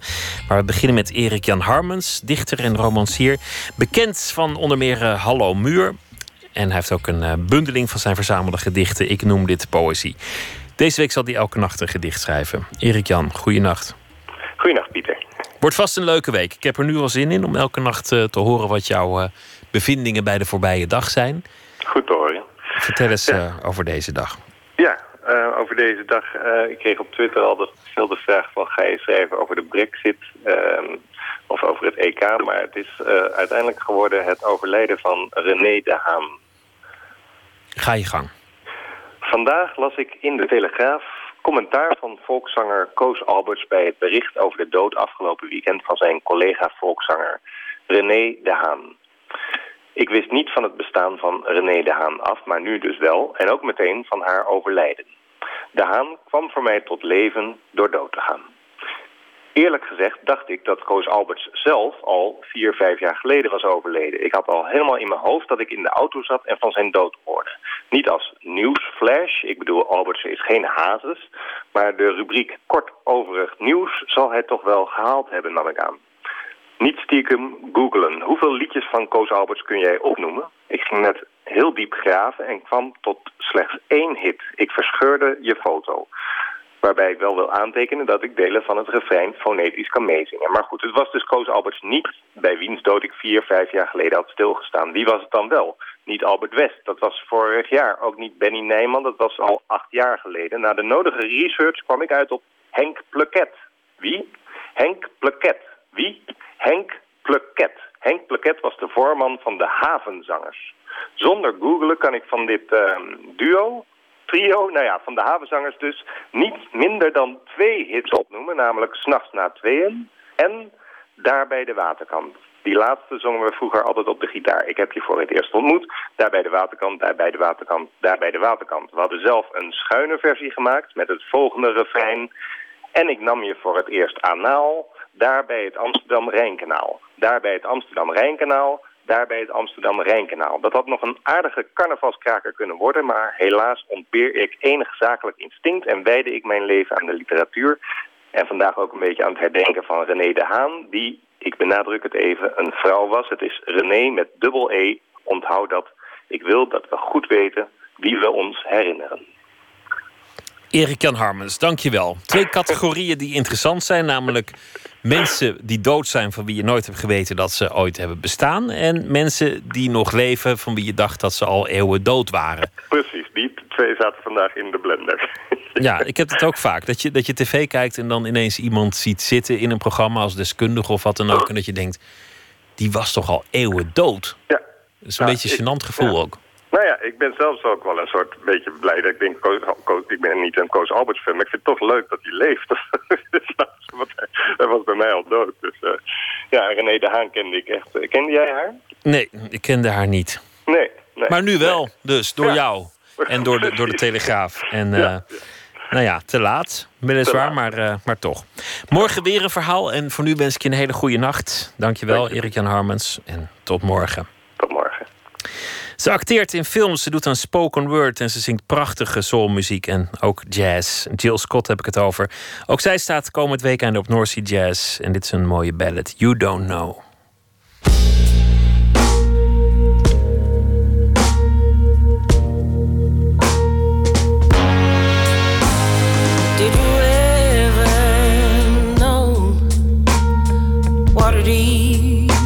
To be hurt?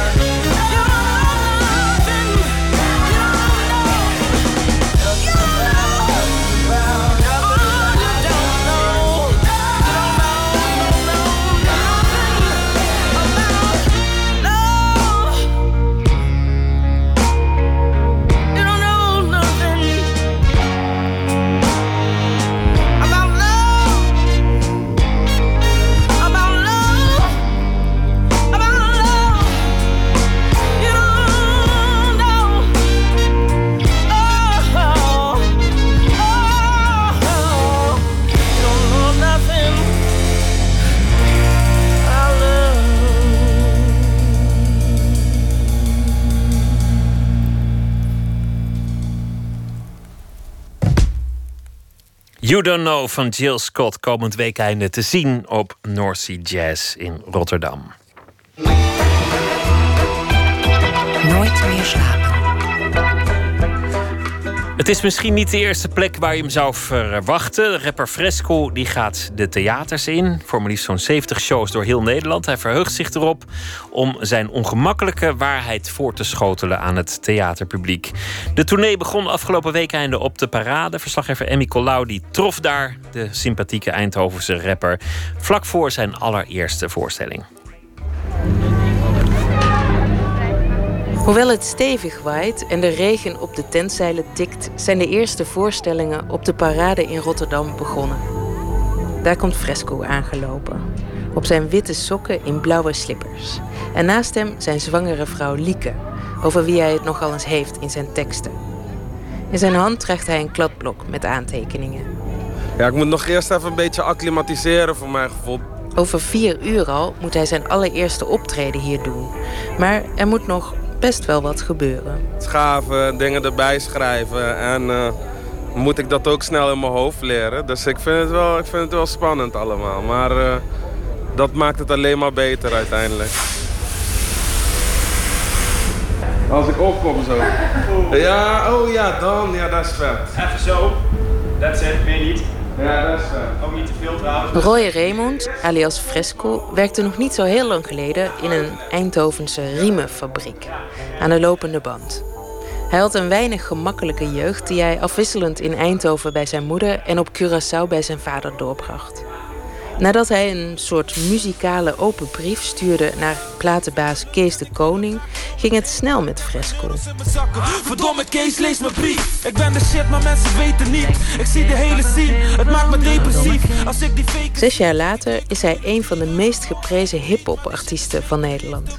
Vorig weekend nog stond hij bijvoorbeeld in een tent voor tienduizenden mensen te spelen. Nu inspecteert hij een theatertent waar krap 300 man in kan. En het publiek wel heel dichtbij zit. Ja, het is wel een beetje een raar ding. Want als ik hier ga staan, dan heb ik hun alweer achter me. Nee, maar het idee is... Ik ben sowieso eh, echt een leek wat betreft theater. Ik bedoel, ik heb nu acht try-outs gedaan en that's it. Verder in mijn carrière niks met theater gedaan. Theatervolk is ook ander volk dan wat na, na mijn, eh, na mijn hip-hop shows komt. En dat maakt het ook gewoon eh, dat het totale willekeur is voor me qua verwachting. Welkom bij de Fresco Show wordt een combinatie van persoonlijke verhalen en muziek. En de typetjes die Fresco wel vaker speelt, de PVV-stemmer Willy Keurig... Blijf met die gore poten van mijn land af. En de stereotype goudgetande en kipetende Antilliaan Gino Pietermaai... Ik moet alles in mijn eentje doen, nou wel bang. zullen ook om de hoek komen kijken. Hij zal hen voorstellen aan een heel ander publiek dan hij normaal gewend is. En dat zoekt hij bewust op. Maar een vooropgestelde mening over dat publiek heeft hij niet. Kijk, ik kan me natuurlijk niet gaan aanpassen aan mijn publiek. Dat is het laatste wat je moet doen als verhalenverteller. Want dan ben je, ja, dan ben je niet meer jouw verhaal aan het vertellen. Dan ben je gewoon iemand, eh, iemand het naar zijn zin aan het maken of zo. Ja, ik heb liever dat het oncomfortabel is, maar dat ik wel mijn zegje doe. Dan dat het allemaal comfortabel en leuk is. En dat mensen denken, oh, dat is een goede jongen, die Fresco. En aan het einde van de dag eh, heb ik mijn ei nog steeds niet kwijt.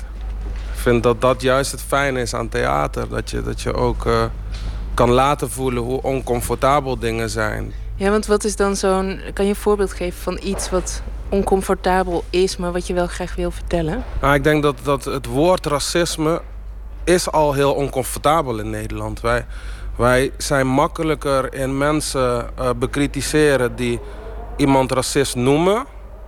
dan dat we de persoon die racist genoemd wordt bekritiseren. En, eh, en dat is sowieso al een uniek iets. En daarom vind ik het zo fijn dat ik nou gewoon de positie krijg... om gewoon retorisch mijn verhaal te doen, weet je wel. En, eh, en dat mensen ja, in principe gewoon hun mond moeten houden en het moeten nemen. Dat is heerlijk. Die lyrics klinken tight, man. Maar helaas ben je niet een white man. Sorry! Je bent op internet een hype kan. Maar never dat, Giel Belen jou draait, want... In augustus 2015 gooide Fresco een klein bommetje in Hilversum. Zo doe je dat was een lange, snijdende, maar ook wel humoristische tirade tegen de roomblanke muziek die 3FM zou draaien. Volgens Fresco negeert het station zwarte hip-hop, die weliswaar miljoenen hits op YouTube en bij streamingdiensten scoort, maar zelden te horen is op de vaderlandse radio.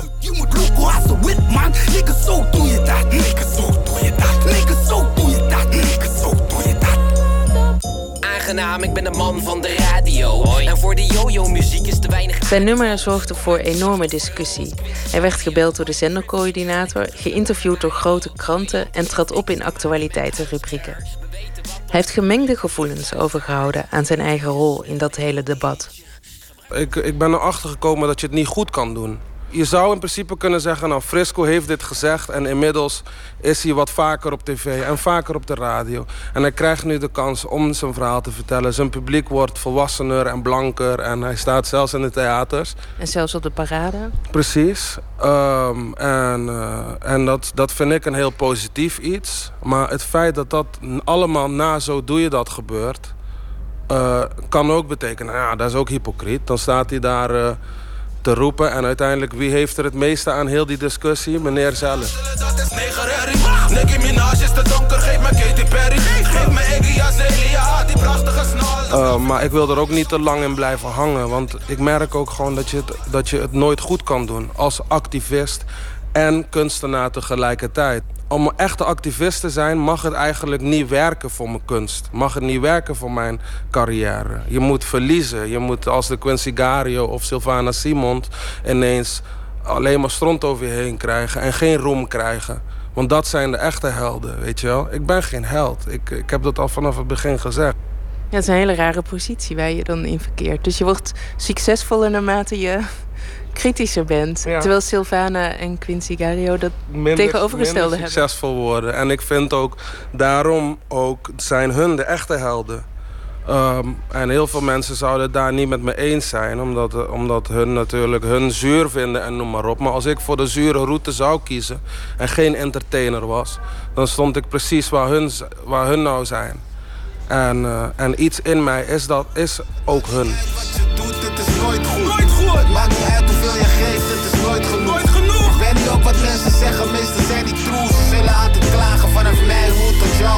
Zien wat je ervoor krijgt, maar niet wat je erin stopt. Hoe je jezelf erin stort, totdat je bijna instort. kan je afvragen, is het beter om bruggen te bouwen? Maar soms vraag ik me ook af, wat is er nodig om bruggen te bouwen? En als ik om een brug te bouwen alleen maar eenzijdig in het midden ga staan... en mijn eigen roots moet verlogenen... om andere mensen te nodigen naar het midden van een brug... terwijl ze eigenlijk niet eens naar de andere kant van de brug willen komen...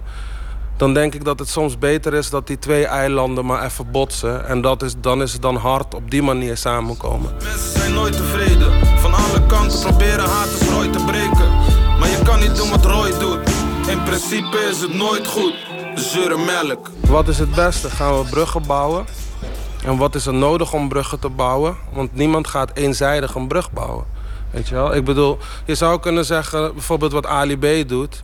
eh, is iets heel positiefs. Weet je wel? Hij laat zien dat hip-hop leuk kan zijn. En hij laat zien dat hip-hoppers knuffelbaar zijn. Maar ondertussen zijn er heel veel Marokkaanse jongens... die zich helemaal niet meer verbonden voelen aan Ali B. Ergens verloochent hij ook een stukje van zijn roots om die brug te bouwen. En dan ben je niet echt een brug aan het bouwen meer. Een brug bouwen betekent deze kant mag naar die kant en deze kant andersom. Dus voor mij is het ook heel erg de vraag, weet je wel, van, van wat is nou de goede positie en strategie. En ik ben ook iemand, ik spreek mezelf constant tegen, omdat ik het ook niet weet. De ene keer ben ik super knof, knuffelbaar en de andere keer eh, heb ik een schild op. krijg mij nog stuk. Ik weet dat het me lukt, onderweg naar mijn geluk. Nooit meer terug. En nee, ik ga niet meer terug. Ook al heb ik het zo druk, Op zijn laatste album Nooit meer terug staan geëngageerde nummers. Maar vooral ook heel veel persoonlijke nummers. Over de tegenstellingen in Fresco zelf. Een depressieve periode lijkt nooit heel ver weg. Ik denk dat mijn brein gewoon zo werkt, weet je wel. Ik, eh, ik ben wel iemand die, eh, die ehm, niet heel lang tevreden is aan de oppervlakte. Ik zou willen dat ik het was. En ik zoek de oppervlakte zoveel mogelijk op.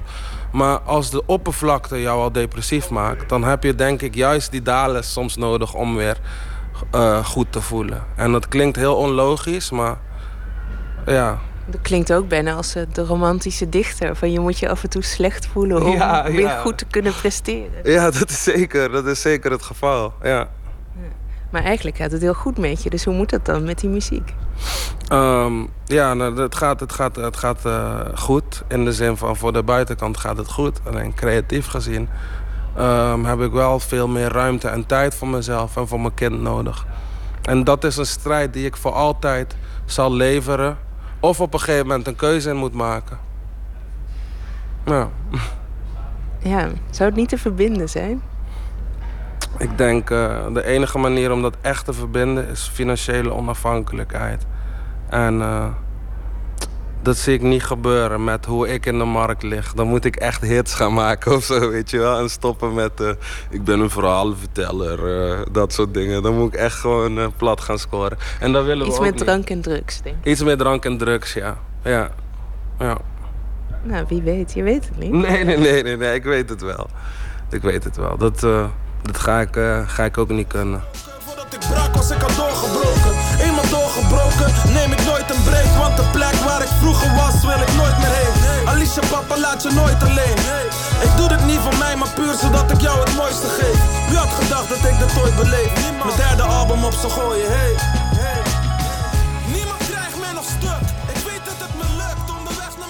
Welkom bij de Fresco Show. De hele zomer bijna dagelijks te zien op de parade. En vanaf het najaar te zien in theaters door het hele land. Een bijdrage van Emmy Colau was dat.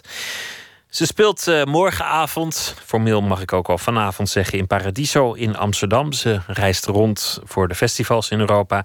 Deze zomer de Australische zangeres Courtney Barnett. En we gaan luisteren naar een van haar nummers, Die Preston. You said we should look out further. I guess it wouldn't hurt us. We don't have to be around all these coffee shops. Now we got that percolator.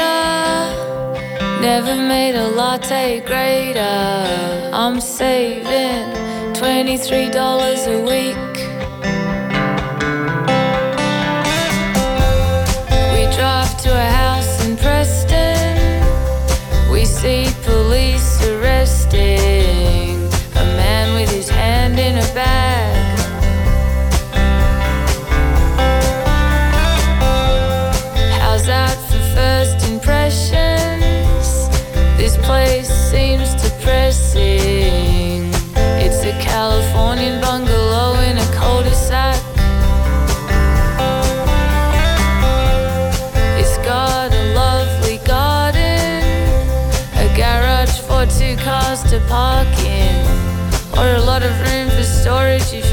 Just got one. And it's going pretty cheap, you say? Well, it's a deceased estate. Aren't the pressed metal ceilings great?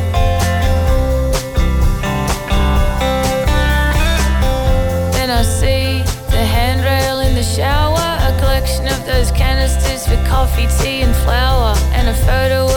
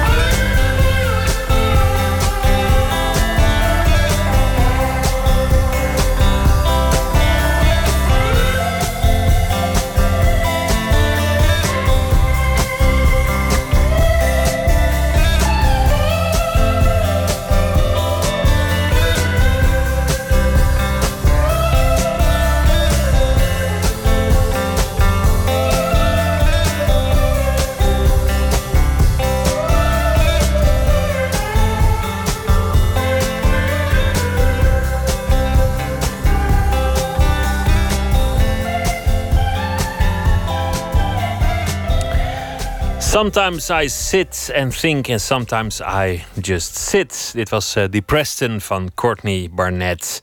En uh, zo heet het album Sometimes I sit and think and sometimes I just sit. Tijd nu voor uh, Toendra. Elke keer een kort verhaal over mensen in bijzondere situaties. En ook een bijzondere manier om met die situatie om te gaan.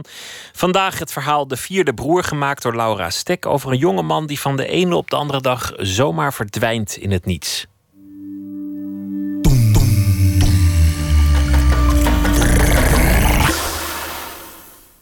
Het was net voordat het donker werd. Uh, een uurtje half vijf of zo, denk ik. Vijf dat het gebeurde. Het is heel koud, mistig. Ook sneeuwstorm, echt voor Nederlands begrippen heel koud. Min 15 volgens mij. Geen goede nacht om uh, naar buiten te gaan uh, en rond te zwerven. Er was daar een soort buiten wat wel ommuurd was met een hek eromheen. Een hek met spijlen in de lengte en overdwars, waar je dus uh, naar bleek vrij simpel als een soort uh, ladder overheen kon uh, klimmen. Daar was Christian overheen geklommen. Toen weggelopen, vanaf dat moment verdwenen. Hij was een op zekere hoogte moeilijk te vatten en soms een beetje ongrijpbaar en mysterieus. En zo is hij ook verdwenen. Hij is ook op een mysterieuze, ongrijpbare manier verdwenen.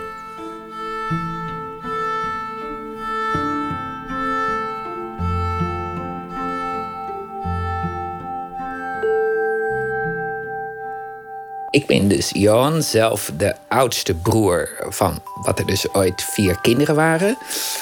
Na mij komt Thijs. Ik ben Thijs, ik ben de op één na oudste broer. En na mij kwam Christian. En dan is er nog een vierde jongste broer, Arthur. Ik ben Arthur en ik ben de jongste van de vier.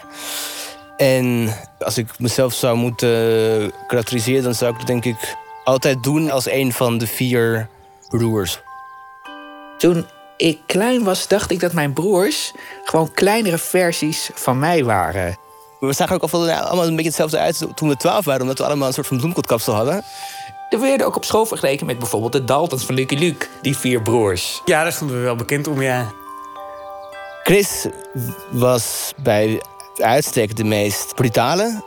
Gewoon echt het beste gevoel voor humor van ons alle vier. Dat was ook de grootste charmeur. Heel erg geïnteresseerd in andere mensen. Beetje een provocateur en degene die altijd op zoek was naar uitersten. Konden we alleen maar toekijken en, uh, en erachteraan lopen. Christian had hele originele hersenspinsels. Hele grappige Sinterklaasgedichten die hij schreef. Omdat ze niet gingen over Sinterklaas of Zwarte Piet. Niet over het cadeau wat werd gegeven. En ook niet over de ontvanger. Even kijken of ik nog eentje kan. Een zwarte kat zat op de mat te wachten op de lapjeskat. De lapjeskat de afstand mat, daar hij een latrelatie had. Want had de rat een zak patat, dan kat de mayonaise frat.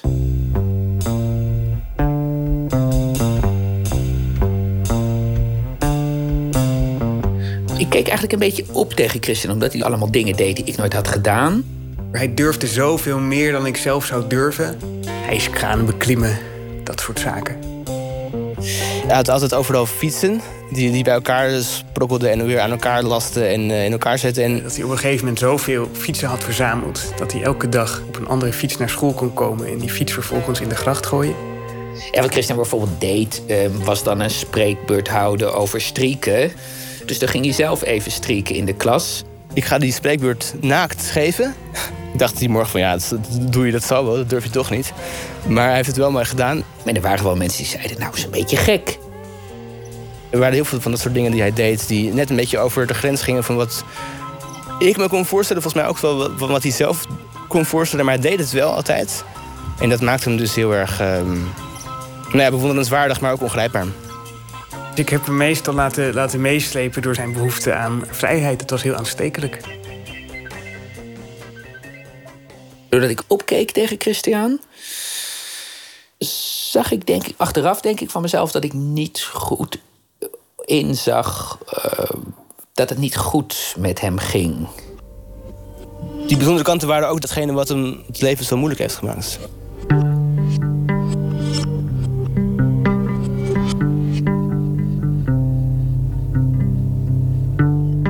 Later ging Christian een woonboot huren. En ik ben met hem gaan kijken bij die boot. Ik zei van nee, dit, dit kan niet. Er zit namelijk niet eens een vloer in deze boot.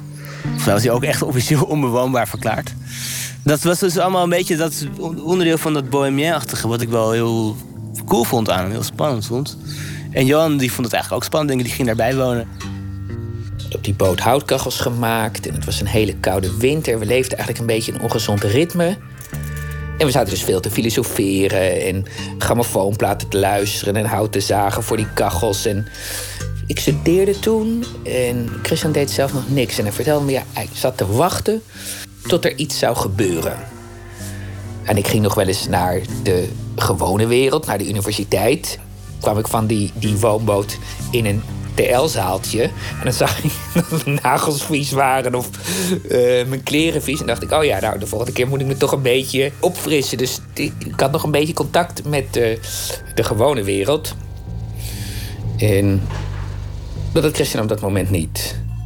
Dus toen begon ik me wel een beetje zorgen te maken.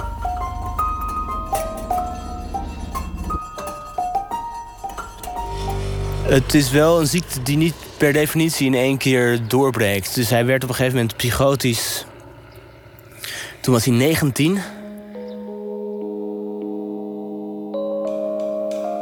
En toen moet die diagnose zijn gesteld. Weet niet wanneer zo'n term als schizofreen voor het eerst in verband is gebracht met Chris. Ik heb het zelf pas ervaren toen hij eenmaal was overgeplaatst naar een inrichting in Amsterdam. En daar ging hij toen langs. Dat was ook een hele ellendige inrichting. En dat ik hem daar zag en dat hij wegrende. Hij was heel, heel, heel bang op dat moment. Dus ik werd er zelf ook bang van. Dus ook omdat er een soort van, van blik in zijn ogen was... die ik nog niet had gezien. Een beetje die manische, manische blik. Ik denk dat dat het eerste moment was dat ik zijn kwetsbaarheid zag. Iets wat ik daarvoor altijd associeerde met durf en, en provocatie... dat was nu opeens toch ook de, de, de kwetsbaarheid. De eerste keer denk je nog van nou, misschien is het eenmalig. Die hoop blijf je lange tijd houden. Maar elke keer dat hij weer opgenomen wordt, ja, dan blijft natuurlijk minder van die hoop eh, over.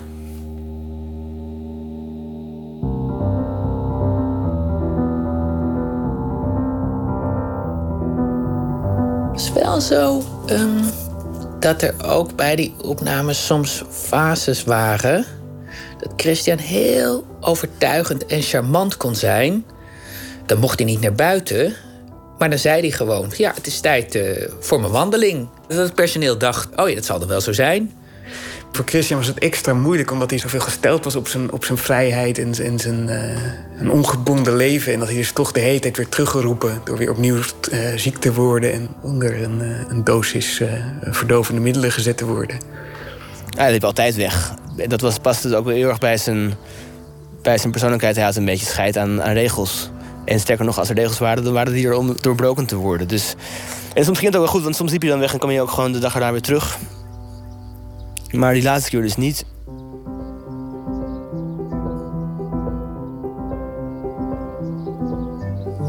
De laatste keer dat ik hem zag was in de inrichting waar hij ook ontsnapte in Den Helder. En toen was hij, ehm, was hij eigenlijk heel, eh, een heel goede doen. De mensen van de verpleging hadden gezegd: maak het niet te lang. Want eh, dat geeft zoveel prikkels, dus ik ben maar kort geweest. En eh, ja, niet uitgebreid met hem daar zitten praten toen. Ik had best wat langer kunnen blijven volgens mij.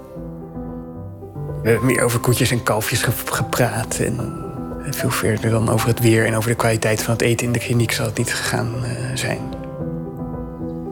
En het was dus op 5 januari. 5 januari 2010.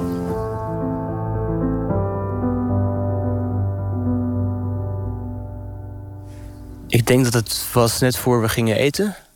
Ergens aan eh, het begin van de avond dat we werden gebeld dat hij over het hek was gekomen. Het was niet heel gek nieuws of zo, maar toch weet ik wel nog goed dat mijn vader en mijn moeder en ik eigenlijk zonder dat uit te spreken dachten dat er misschien nu wel iets heel, heel erg mis was. Het sneeuwde heel hard. En mijn vader en ik reden in zijn oranje Volkswagen-bus door de besneeuwde velden van Noord- Noord-Holland. en toen dus met, met de pont naar Texel. Omdat hij dus al eerder na omzwervingen weer in, eh, in zijn huisje in Texel was teruggekomen... Ja, was dat toch de eerste hoop dat hij dat nu weer gedaan zou hebben. Maar eh, dat was dus niet het geval.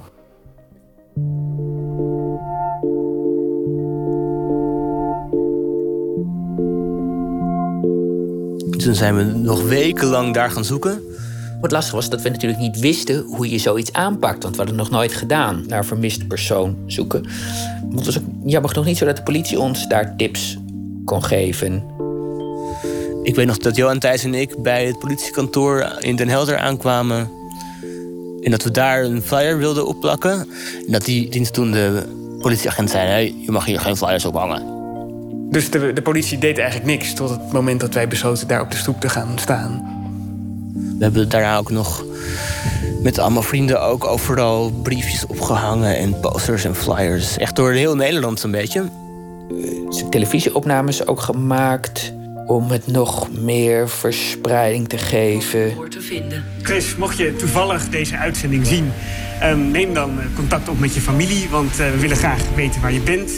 Ehm, We hebben ook nog een tijdje gedacht dat hij misschien onder het ijs beland zou zijn. Eh, nog een, een groep met, eh met speurhondenbezitters ingeschakeld... omdat die honden blijkbaar onder het ijs kunnen ruiken. Uiteindelijk vond ik zelfs nog een boek in de bibliotheek. Maar ja, daar staan dingen in als de eerste 24 uur zijn het belangrijkst. En eh, die waren toen natuurlijk al voorbij.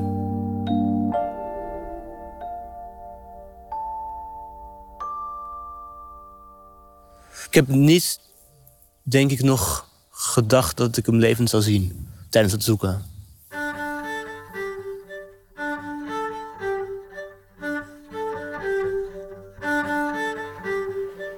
We zijn nu eh, vijf jaar verder. Dus nu eh, is het heel raar om nog iets anders te denken dan, eh, dan dat Chris de zee in is, is gelopen.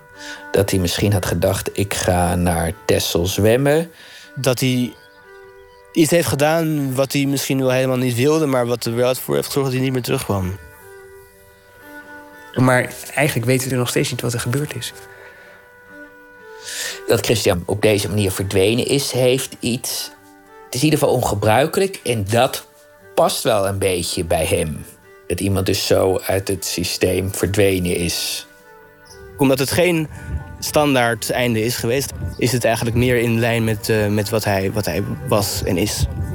Maar ook zo kan je er niet iets positiefs aan breien. Nee. Nee, dat is er gewoon niet. Ga gewoon echt niet zo ver als eh, zijn verdwijning zien als een soort dappere ontsnapping of laatste esthetische daad. Gewoon omdat dat we echt niet in zijn hoofd kunnen kruipen op dat moment. Het doet hem gewoon tekort. Het is denk ik wel gebeurd dat ik eh, heb omgedraaid om iemand eens extra goed aan te kijken. Schiet soms heel even die gedachte door je heen. Hé, hey, misschien is dat hem. Al is het een heel klein gaatje... dan is er nog steeds wel ergens ruimte voor die optie. Ook al weet je dat het onwaarschijnlijk is. Dat gevoel van vrijheid dat je kon hebben als je met Chris op stap was, ja, dat, eh, dat mis ik wel.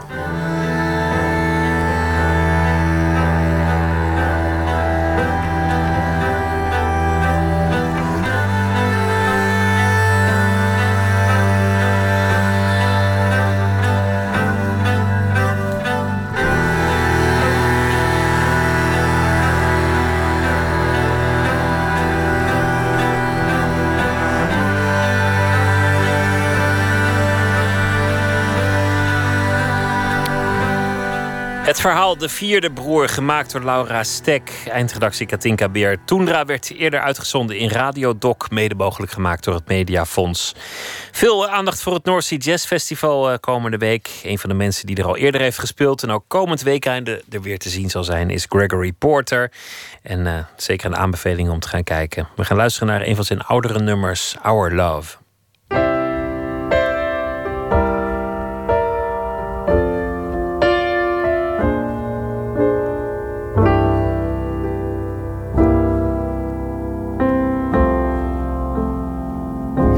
everything will wait. But you're the reflection of my love. We're incomplete.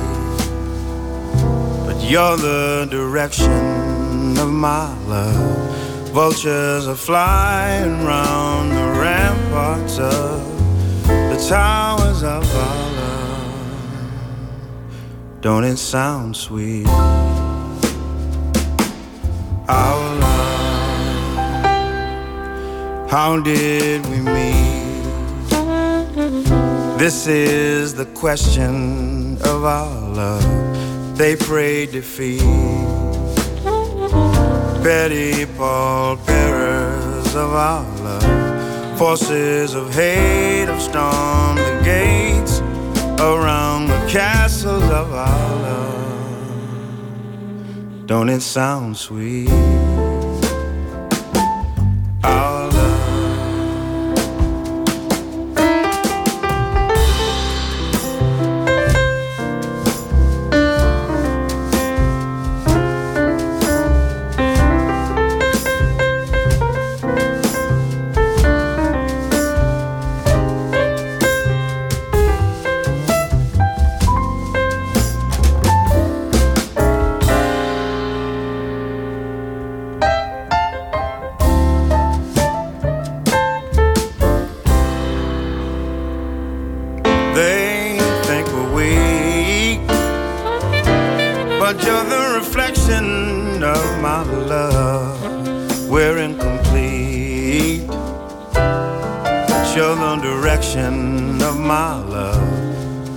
Vultures are flying round the ramparts of the towers of our love. Don't it sound sweet? Our love. How did we meet? This is the question of our love. They pray defeat. Petty of our love. Forces of hate have stormed the gates of round the castles of our love.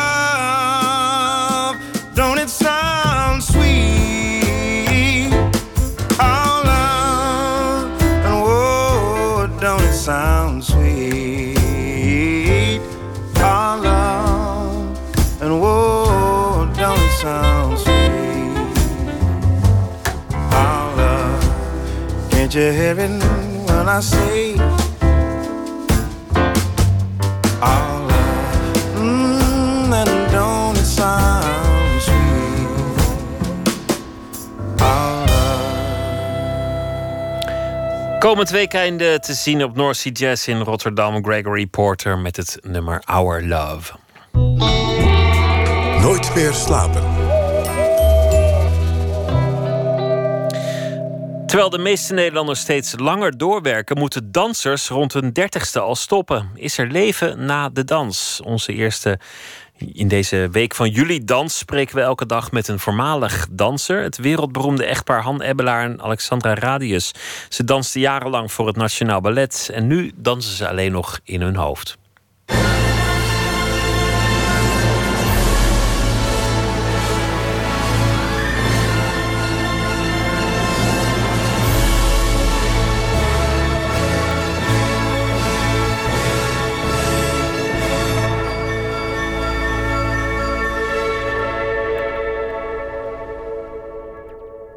Natuurlijk is er een leven na de dans. Je leeft toch met eh, in je achterhoofd... er moet een dag komen dat het ophoudt. Dat kan niet anders. Zo zijn we ook opgevoed om iedere dag je lichaam te moeten aanpakken. Want het is toch heftig iedere dag. Op een dag raak je er wel erg moe mee. En dan denk je, nu, nu eh, het wordt tijd dat het afgelopen is. Toen ik 45 was, zei het lichaam wel... eh, nou, je moet nu wel wat rustiger aan gaan doen. Je hebt vaker pijn in je rug. je, je krijgt kleine blessures aan je kuiten. Je moet altijd in het smeltende ijs na een voorstelling. Want zo moet je de boel toch gaande houden. En op een gegeven moment wordt me dat toch wel een beetje te vermoeiend. Ja, wat is je hoogtepunt? Dat is ook altijd het probleem natuurlijk, weet je. wat is je hoogtepunt? Net daarna. Ah, ik, ik had niet langer moeten dansen, nee. Ik denk dat ik verstandig ben geweest. Ik heb uitgepeurd wat erin zat. Balletdanser Han Ebbelaar moest eerder stoppen dan zijn favoriete danspartner en vrouw Alexandra Radius. Die buitengewoon lang bleef doordansen tot haar 48ste. Toch kwam voor haar ook die avond van de allerlaatste dans. Ik had smiddags een interview met Maartje van Wegen. Ze vroeg aan mij, hoe voel je nou als je nou... want ik deed koor van Hans Maan als laatste die boeré afgaat de coulissen. En ik zeg, dat was het dan. En ze keek ze me aan, helemaal van, van, nou ja, die is ook gek. En ze staat in de coulissen en ik kom af. Dus ik, nou, dat was het dan. En dat meende ik ook echt. Ik had echt, dat was het, dat was het dan. En dat is ook zo. In principe moet je wel aftrainen, maar ik heb het niet gedaan. We hadden een oud boerderijtje gekocht in Frankrijk en dat gingen we opknappen. En daar konden we al onze energie in kwijt. We zijn meteen naar Frankrijk vertrokken en meteen muren gestuukt, eh, tegelvloeren gelegd, de deuren uitgeslagen en muren uitgeslagen. Dus wij hebben op die manier afgekikt eigenlijk. Hoe is het voor je lichaam als je van de ene op de andere dag stopt met dansen? Mijn lichaam was heel blij daarmee. Ik moest altijd enorm mijn best doen om alles rekken, rekken, strekken. En eh, mijn lichaam was kennelijk niet echt daarop op gebouwd. Dus als ik vakantie kreeg, na een week begonnen de verschrikkelijke pijnen begonnen daar. En dan moest ik om vijf uur uit mijn bed uit, kon niet langer liggen. En dan moest ik echt aan aspirine en noem maar op. En als dan na drie weken het lichaam eindelijk tot rust kwam... dan moest ik weer beginnen. En dan moest ik het hele proces weer doen rekken en pijn en pijn. Dus toen ik ophield, is mijn lichaam naar zijn originele staat gegaan. en sindsdien heb ik geen pijn meer. Als dans heb je eigenlijk altijd pijn. Er is altijd wel iets aan de hand. Na hun danscarrière ligt er nog een heel leven voor hen. Ze knappen een huisje op in Frankrijk. Hij schildert graag. En ze richten samen het Dansersfonds op. Om andere dansers te ondersteunen tijdens en na hun carrière. S'avonds zitten ze vaak in het publiek van het theater. Waar ze kijken naar balletten die ze zelf ook hebben gedanst. Als ik die stop zie, heb ik wel eens dat ik denk... nou, god, dat zou wel anders kunnen. Je bent zo betrokken geweest bij dat proces. Maar ja, ik bedoel, dat is wel hoe het gaat natuurlijk. Wij hebben het geluk dat we met ongelooflijk veel plezier naar het theater gaan. Ja, met plezier. Want er zijn inderdaad mensen die dat niet kunnen. Die ophouden en die dan gewoon het theater schuwen... die niet eh, naar een voorstelling kunnen komen. Emotioneel kunnen ze dat niet aan. En dat vind ik erg jammer, want dan mis je wel heel veel. Je gaat vaak naar huis met... Je hebt heerlijke muziek gehad, je hebt de mooie dansers gehad... je hebt, je hebt iets, iets, iets heel moois gezien. En ja, dan heb ik toch het gevoel dat ik een beetje... bijvoorbeeld uit New York uit een voorstelling kom. En? Wagen jullie zelf nog wel eens een dansje? Samen in de huiskamer? Nee, absoluut niet. Nee hoor. Nee, zeker niet. Het hoofd zegt, je kan het. We zijn eh, 73 en het lichaam zegt, dag, dat doen we niet meer. En dat zou ook onverstandig zijn. Dan heb ik wel Dan krijg je blessures. Dan krijg je blessures, zeker. Maar in hun hoofd kennen ze alle danspassen nog. Er zijn zoveel muzieken waar we natuurlijk op gedanst hebben. Verroebal tegen de hond. Hier hebben we ook op gedanst. En, eh, en dan komen we bij heel veel buiten komen de passen. Dat is direct zie je de passen. Dat, Ja. is, het zit zo in, de, in de allerlei kamertjes hier. Ja, dat is Eh, zo bizar hoe dat op, opgeslagen zit. Maar het gekke is als je één noot hoort van, van een stuk muziek hoort... je weet, oh, dat is bizar. Oh, dat is dat. Oh, serenade. Je hoort het meteen. Maar is het dan echt niet verleidelijk om nog één keer die dansschoenen aan te trekken? Nee, je hoofd gaat je hoofd gaat, je hoofd gaat mee in de passen. De passen zie je in je hoofd. Dit zie je voor je. Maar nee, nee, absoluut niet. God, nee.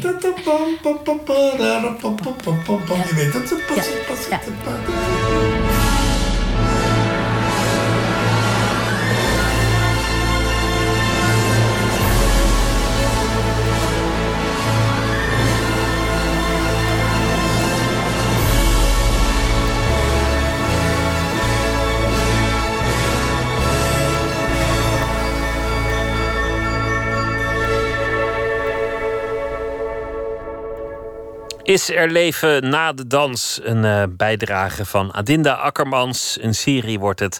En nu hoorden Han Ebbelaar en Alexandra Radius. De Israëlische muzikant en kunstenaar Koetiman die werd in 2009 bekend door andermans YouTube-clipjes aan elkaar te plakken en zo van muzicerende en onwetende amateurs over de hele wereld iets moois nieuws te brouwen. Van zijn tweede album 6 AM draaien we het nummer I Think I Am.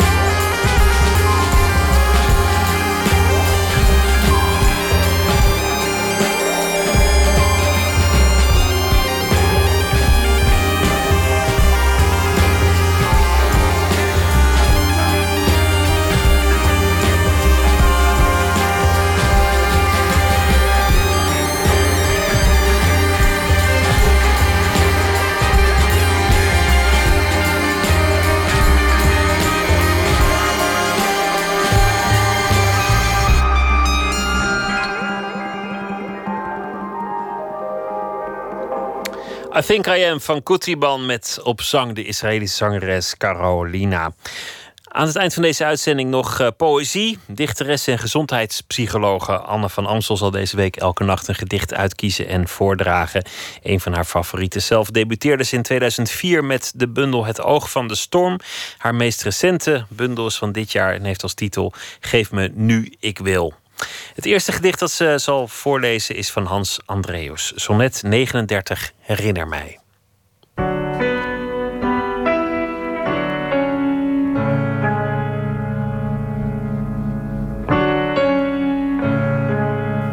Vannacht wil ik graag een sonnet voordragen van Hans Andreas uit de Sonnetten van de Kleine Waanzin, 1957. Naar mijn mening de beste gedichtencyclus die is verschenen in de Nederlandse literatuur. Ik heb specifiek voor sonnet 39 gekozen, omdat ik onlangs ook zelf de ervaring heb gehad van een vogelvrij ogenblik, zoals dat wordt beschreven in de laatste woorden van dit sonnet. Sonnet 39. Herinner mij, ik heb mij neergeschreven op de rand van nu en daarna en toen. Omdat ik niet anders kon, wilde doen en ik leven moest, het uitriep van leven. Vergeet mij, want die het schrijft is het niet. En wat hij schrijft laat niet los van zijn vingers dan ondanks hemzelf. Er is niets geringers dan een mens en iets beters is er niet. Dubbele tong. En daarin de waanzin en de zin, het haast onuitspreekbaar tasten, onderwoords aftasten van een beginnend geluk. Geluk waar? Overal waar ik doodga aan ik, leef door mij niet meer vast te houden. Hier in het aards en ruimtelijk vuur, hier in het vogelvrij ogenblik. Anne van Amstel las uh, sonnet 39 Herinner mij van Hans Andreas. Morgen zal ze weer een gedicht uitkiezen. Morgen in Nooit meer slapen, dan zit hier uh, fluitist, componist, etnomusicoloog Ronald Snijders. Kwam in 1970 uit Suriname naar Nederland. Heeft een uh, gigantisch oeuvre opgebouwd. Zijn eerste plaat, als je die ooit kunt vinden, zijn collectors items. Die zijn geld waard. En hij heeft ook een nieuw album, de Nelson Josa Sessions. Speelt hij oude nummers met muzici van over de hele wereld. En komend weekend speelt hij ook op North Sea Jazz.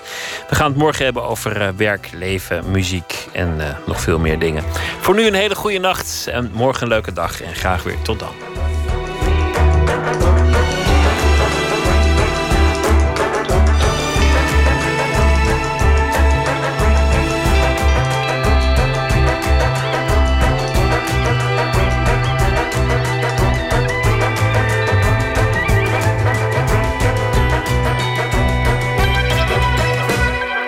Radio 1, het nieuws van alle kanten.